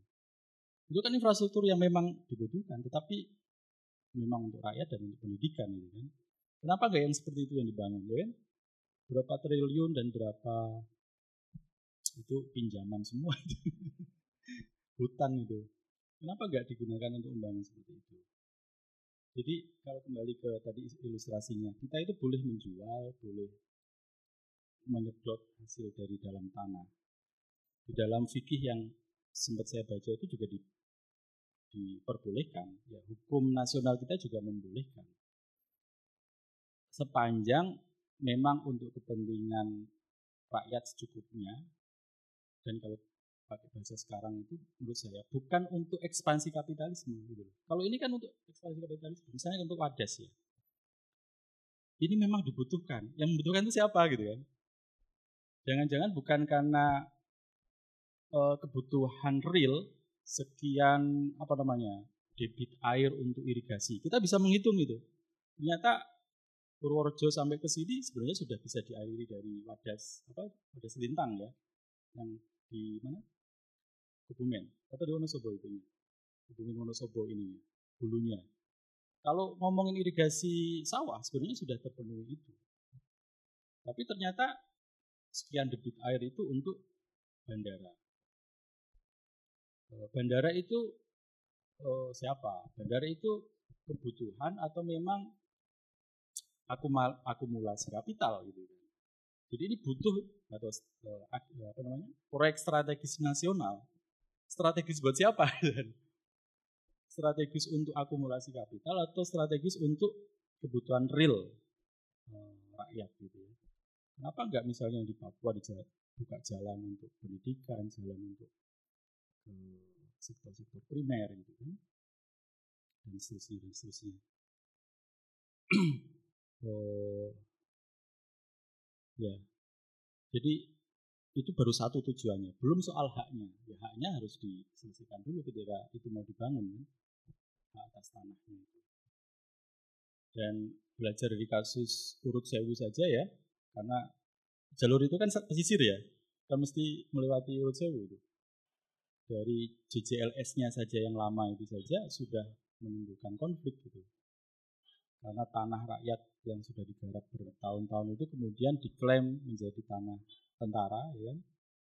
ketika ada proyek tertentu tentara yang menjualnya kepada si proyek itu itu kan kasusnya begitu ketika ada di JLS sama ketika ada tambang pasir apa ya pasir besi itu sebelum ada itu relasi tentara dengan rakyat biasa jadi ketika mau pelatihan ada pengumuman petani tidak bekerja dulu di wilayahnya ketika sudah selesai gitu jadi ada hubungan yang cukup eh, saling memahami sekian puluh tahun gitu ya tapi ketika ini ada JJLS ganti rugi. Sing ngomong ganti rugi sapa?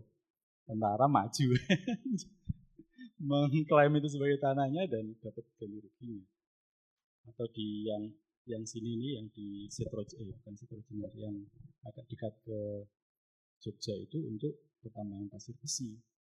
Izinnya perusahaan kepada tentara. Kan kasusnya begitu. Lagi. oh ya, nah ini di kajian agraria itu memang ada satu yang diingatkan yang selama ini jarang diperhatikan. Kalau teman-teman kenal namanya Taniali ya, Taniali, Profesor Taniali. Saya beberapa kali mengundang beliau ceramah di kampus saya itu, termasuk menerbitkan bukunya itu.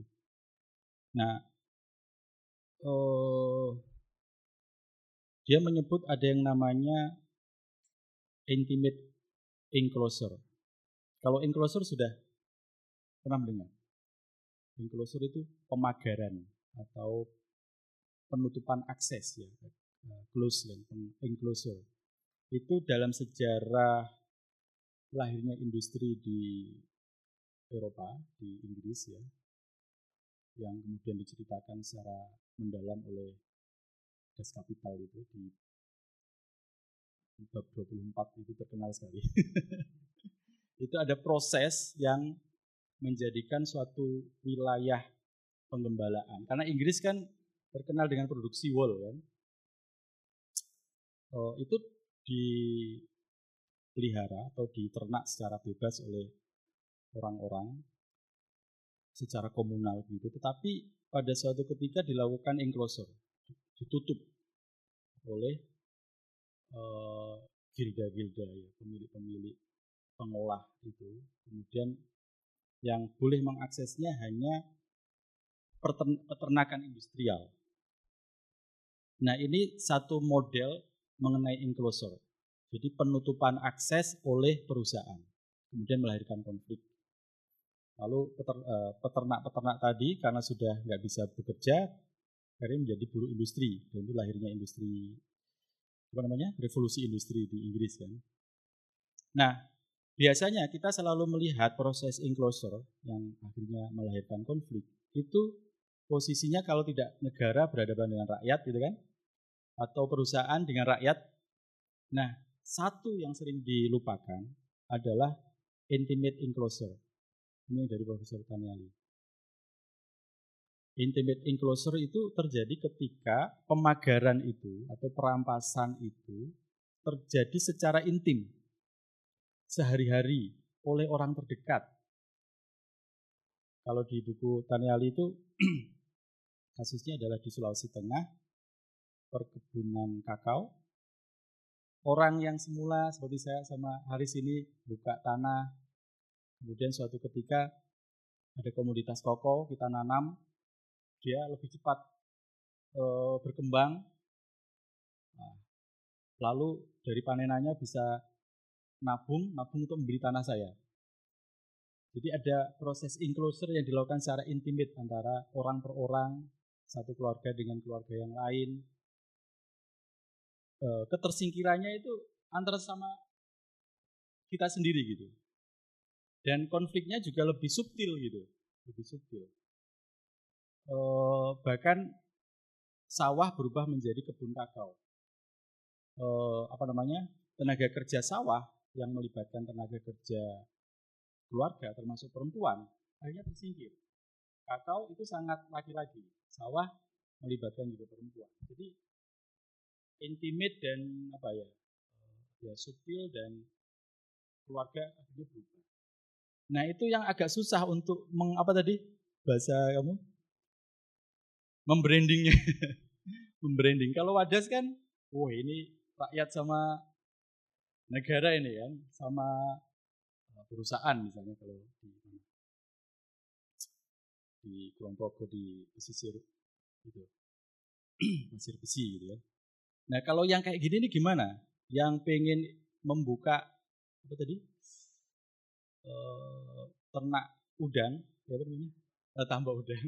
Itu ternyata ya orang-orang situ haji gitu kan.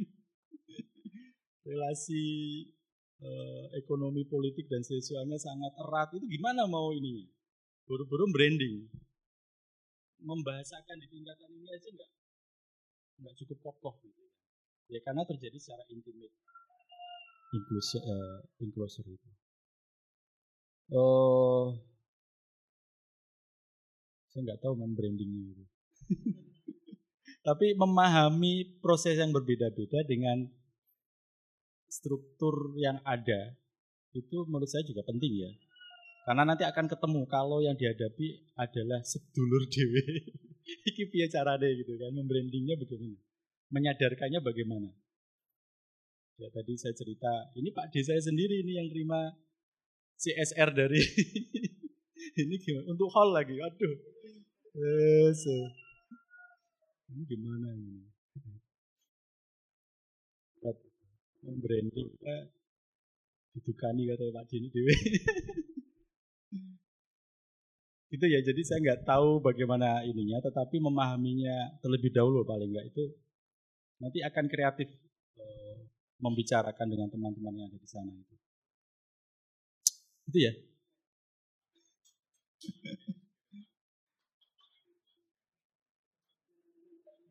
Wow.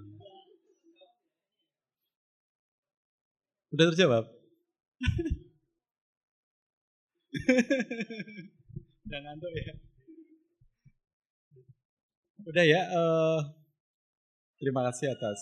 Eh belum belum ditutup. Ya langkah ke depan ya kita ngaji. Ngaji terus. Iya. eh, jadi saya tidak perlu menyimpulkan ya teman-teman sendiri yang menyimpulkan terkait dengan eh, tadi problem eh, agraria, sejarah agraria di Indonesia, di Nusantara.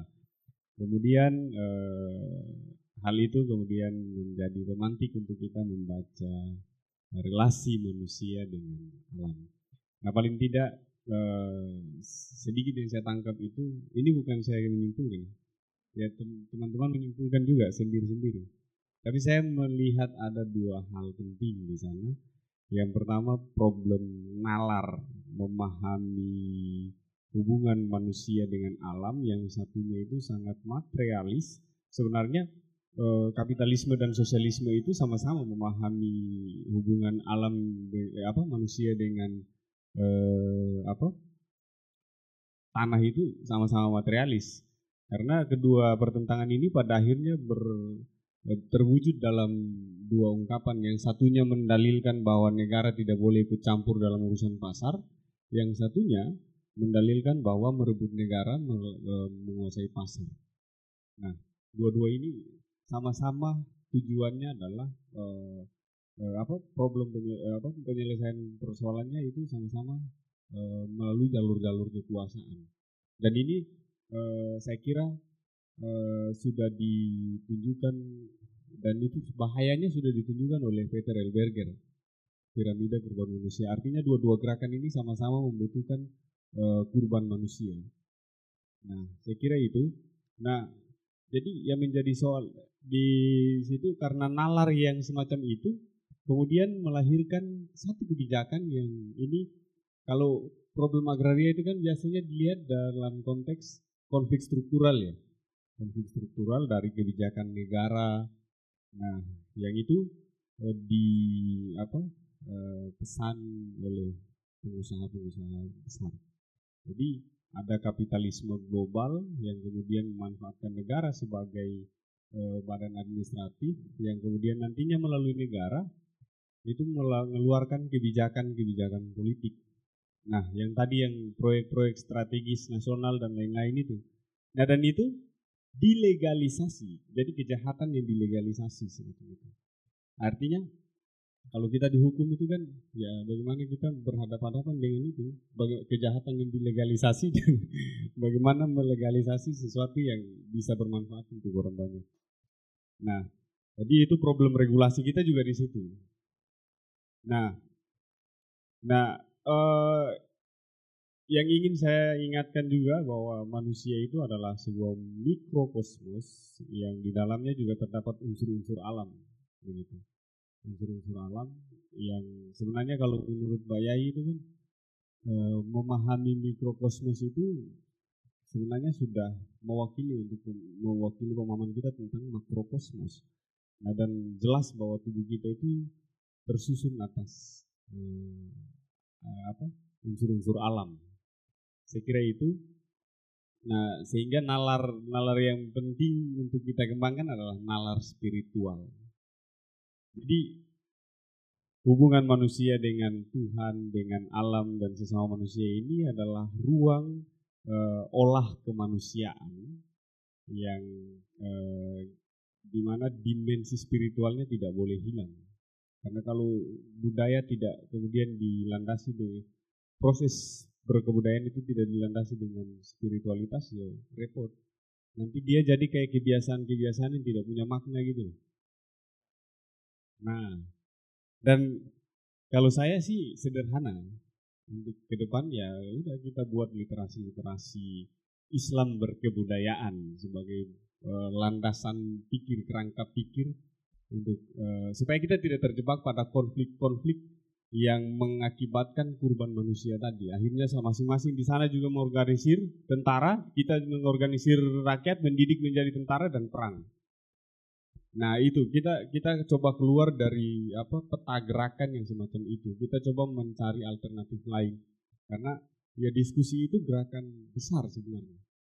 Jangan bilang kita diskusi itu duduk diam. Nah ini ya, salah persepsi tentang gerakan. Nah kira-kira begitu. Jadi gerakan literasi Islam berkebudayaan sebagai solusi uh, untuk uh, kita uh, bangun. Ya, langkah-langkah yang bisa kita ambil ke depan tentu dengan kajian-kajian ekonomi politik, geopolitik dan lain-lain. Misalnya kita nggak mungkin bisa membaca pola kapitalisme kalau tidak paham geopolitik. Nah kira-kira itu eh, karena waktunya sudah lewat, eh ya pas, sudah pas eh, saya akhiri. Saya saya ini, saya dari tadi itu sebenarnya mau ini loh, ada ada apa eh, sahadat bumi yang eh, saya kira ini sebagai tamparan untuk kita juga di sini. Nah itu ibu, eh, ini pernah dinyanyikan Mas Irfan ya. Ya, Ibu Bumi wis maringi, Ibu Bumi dilarani Ibu Bumi kang ngadili. La ilaha illallah Muhammad Rasulullah. Nah saya kira itu menjadi penting untuk kita renungkan kembali. Jadi kalimat-kalimat itu menjadi pemantik renungan malam ini. Terima kasih. Wassalamualaikum warahmatullahi wabarakatuh.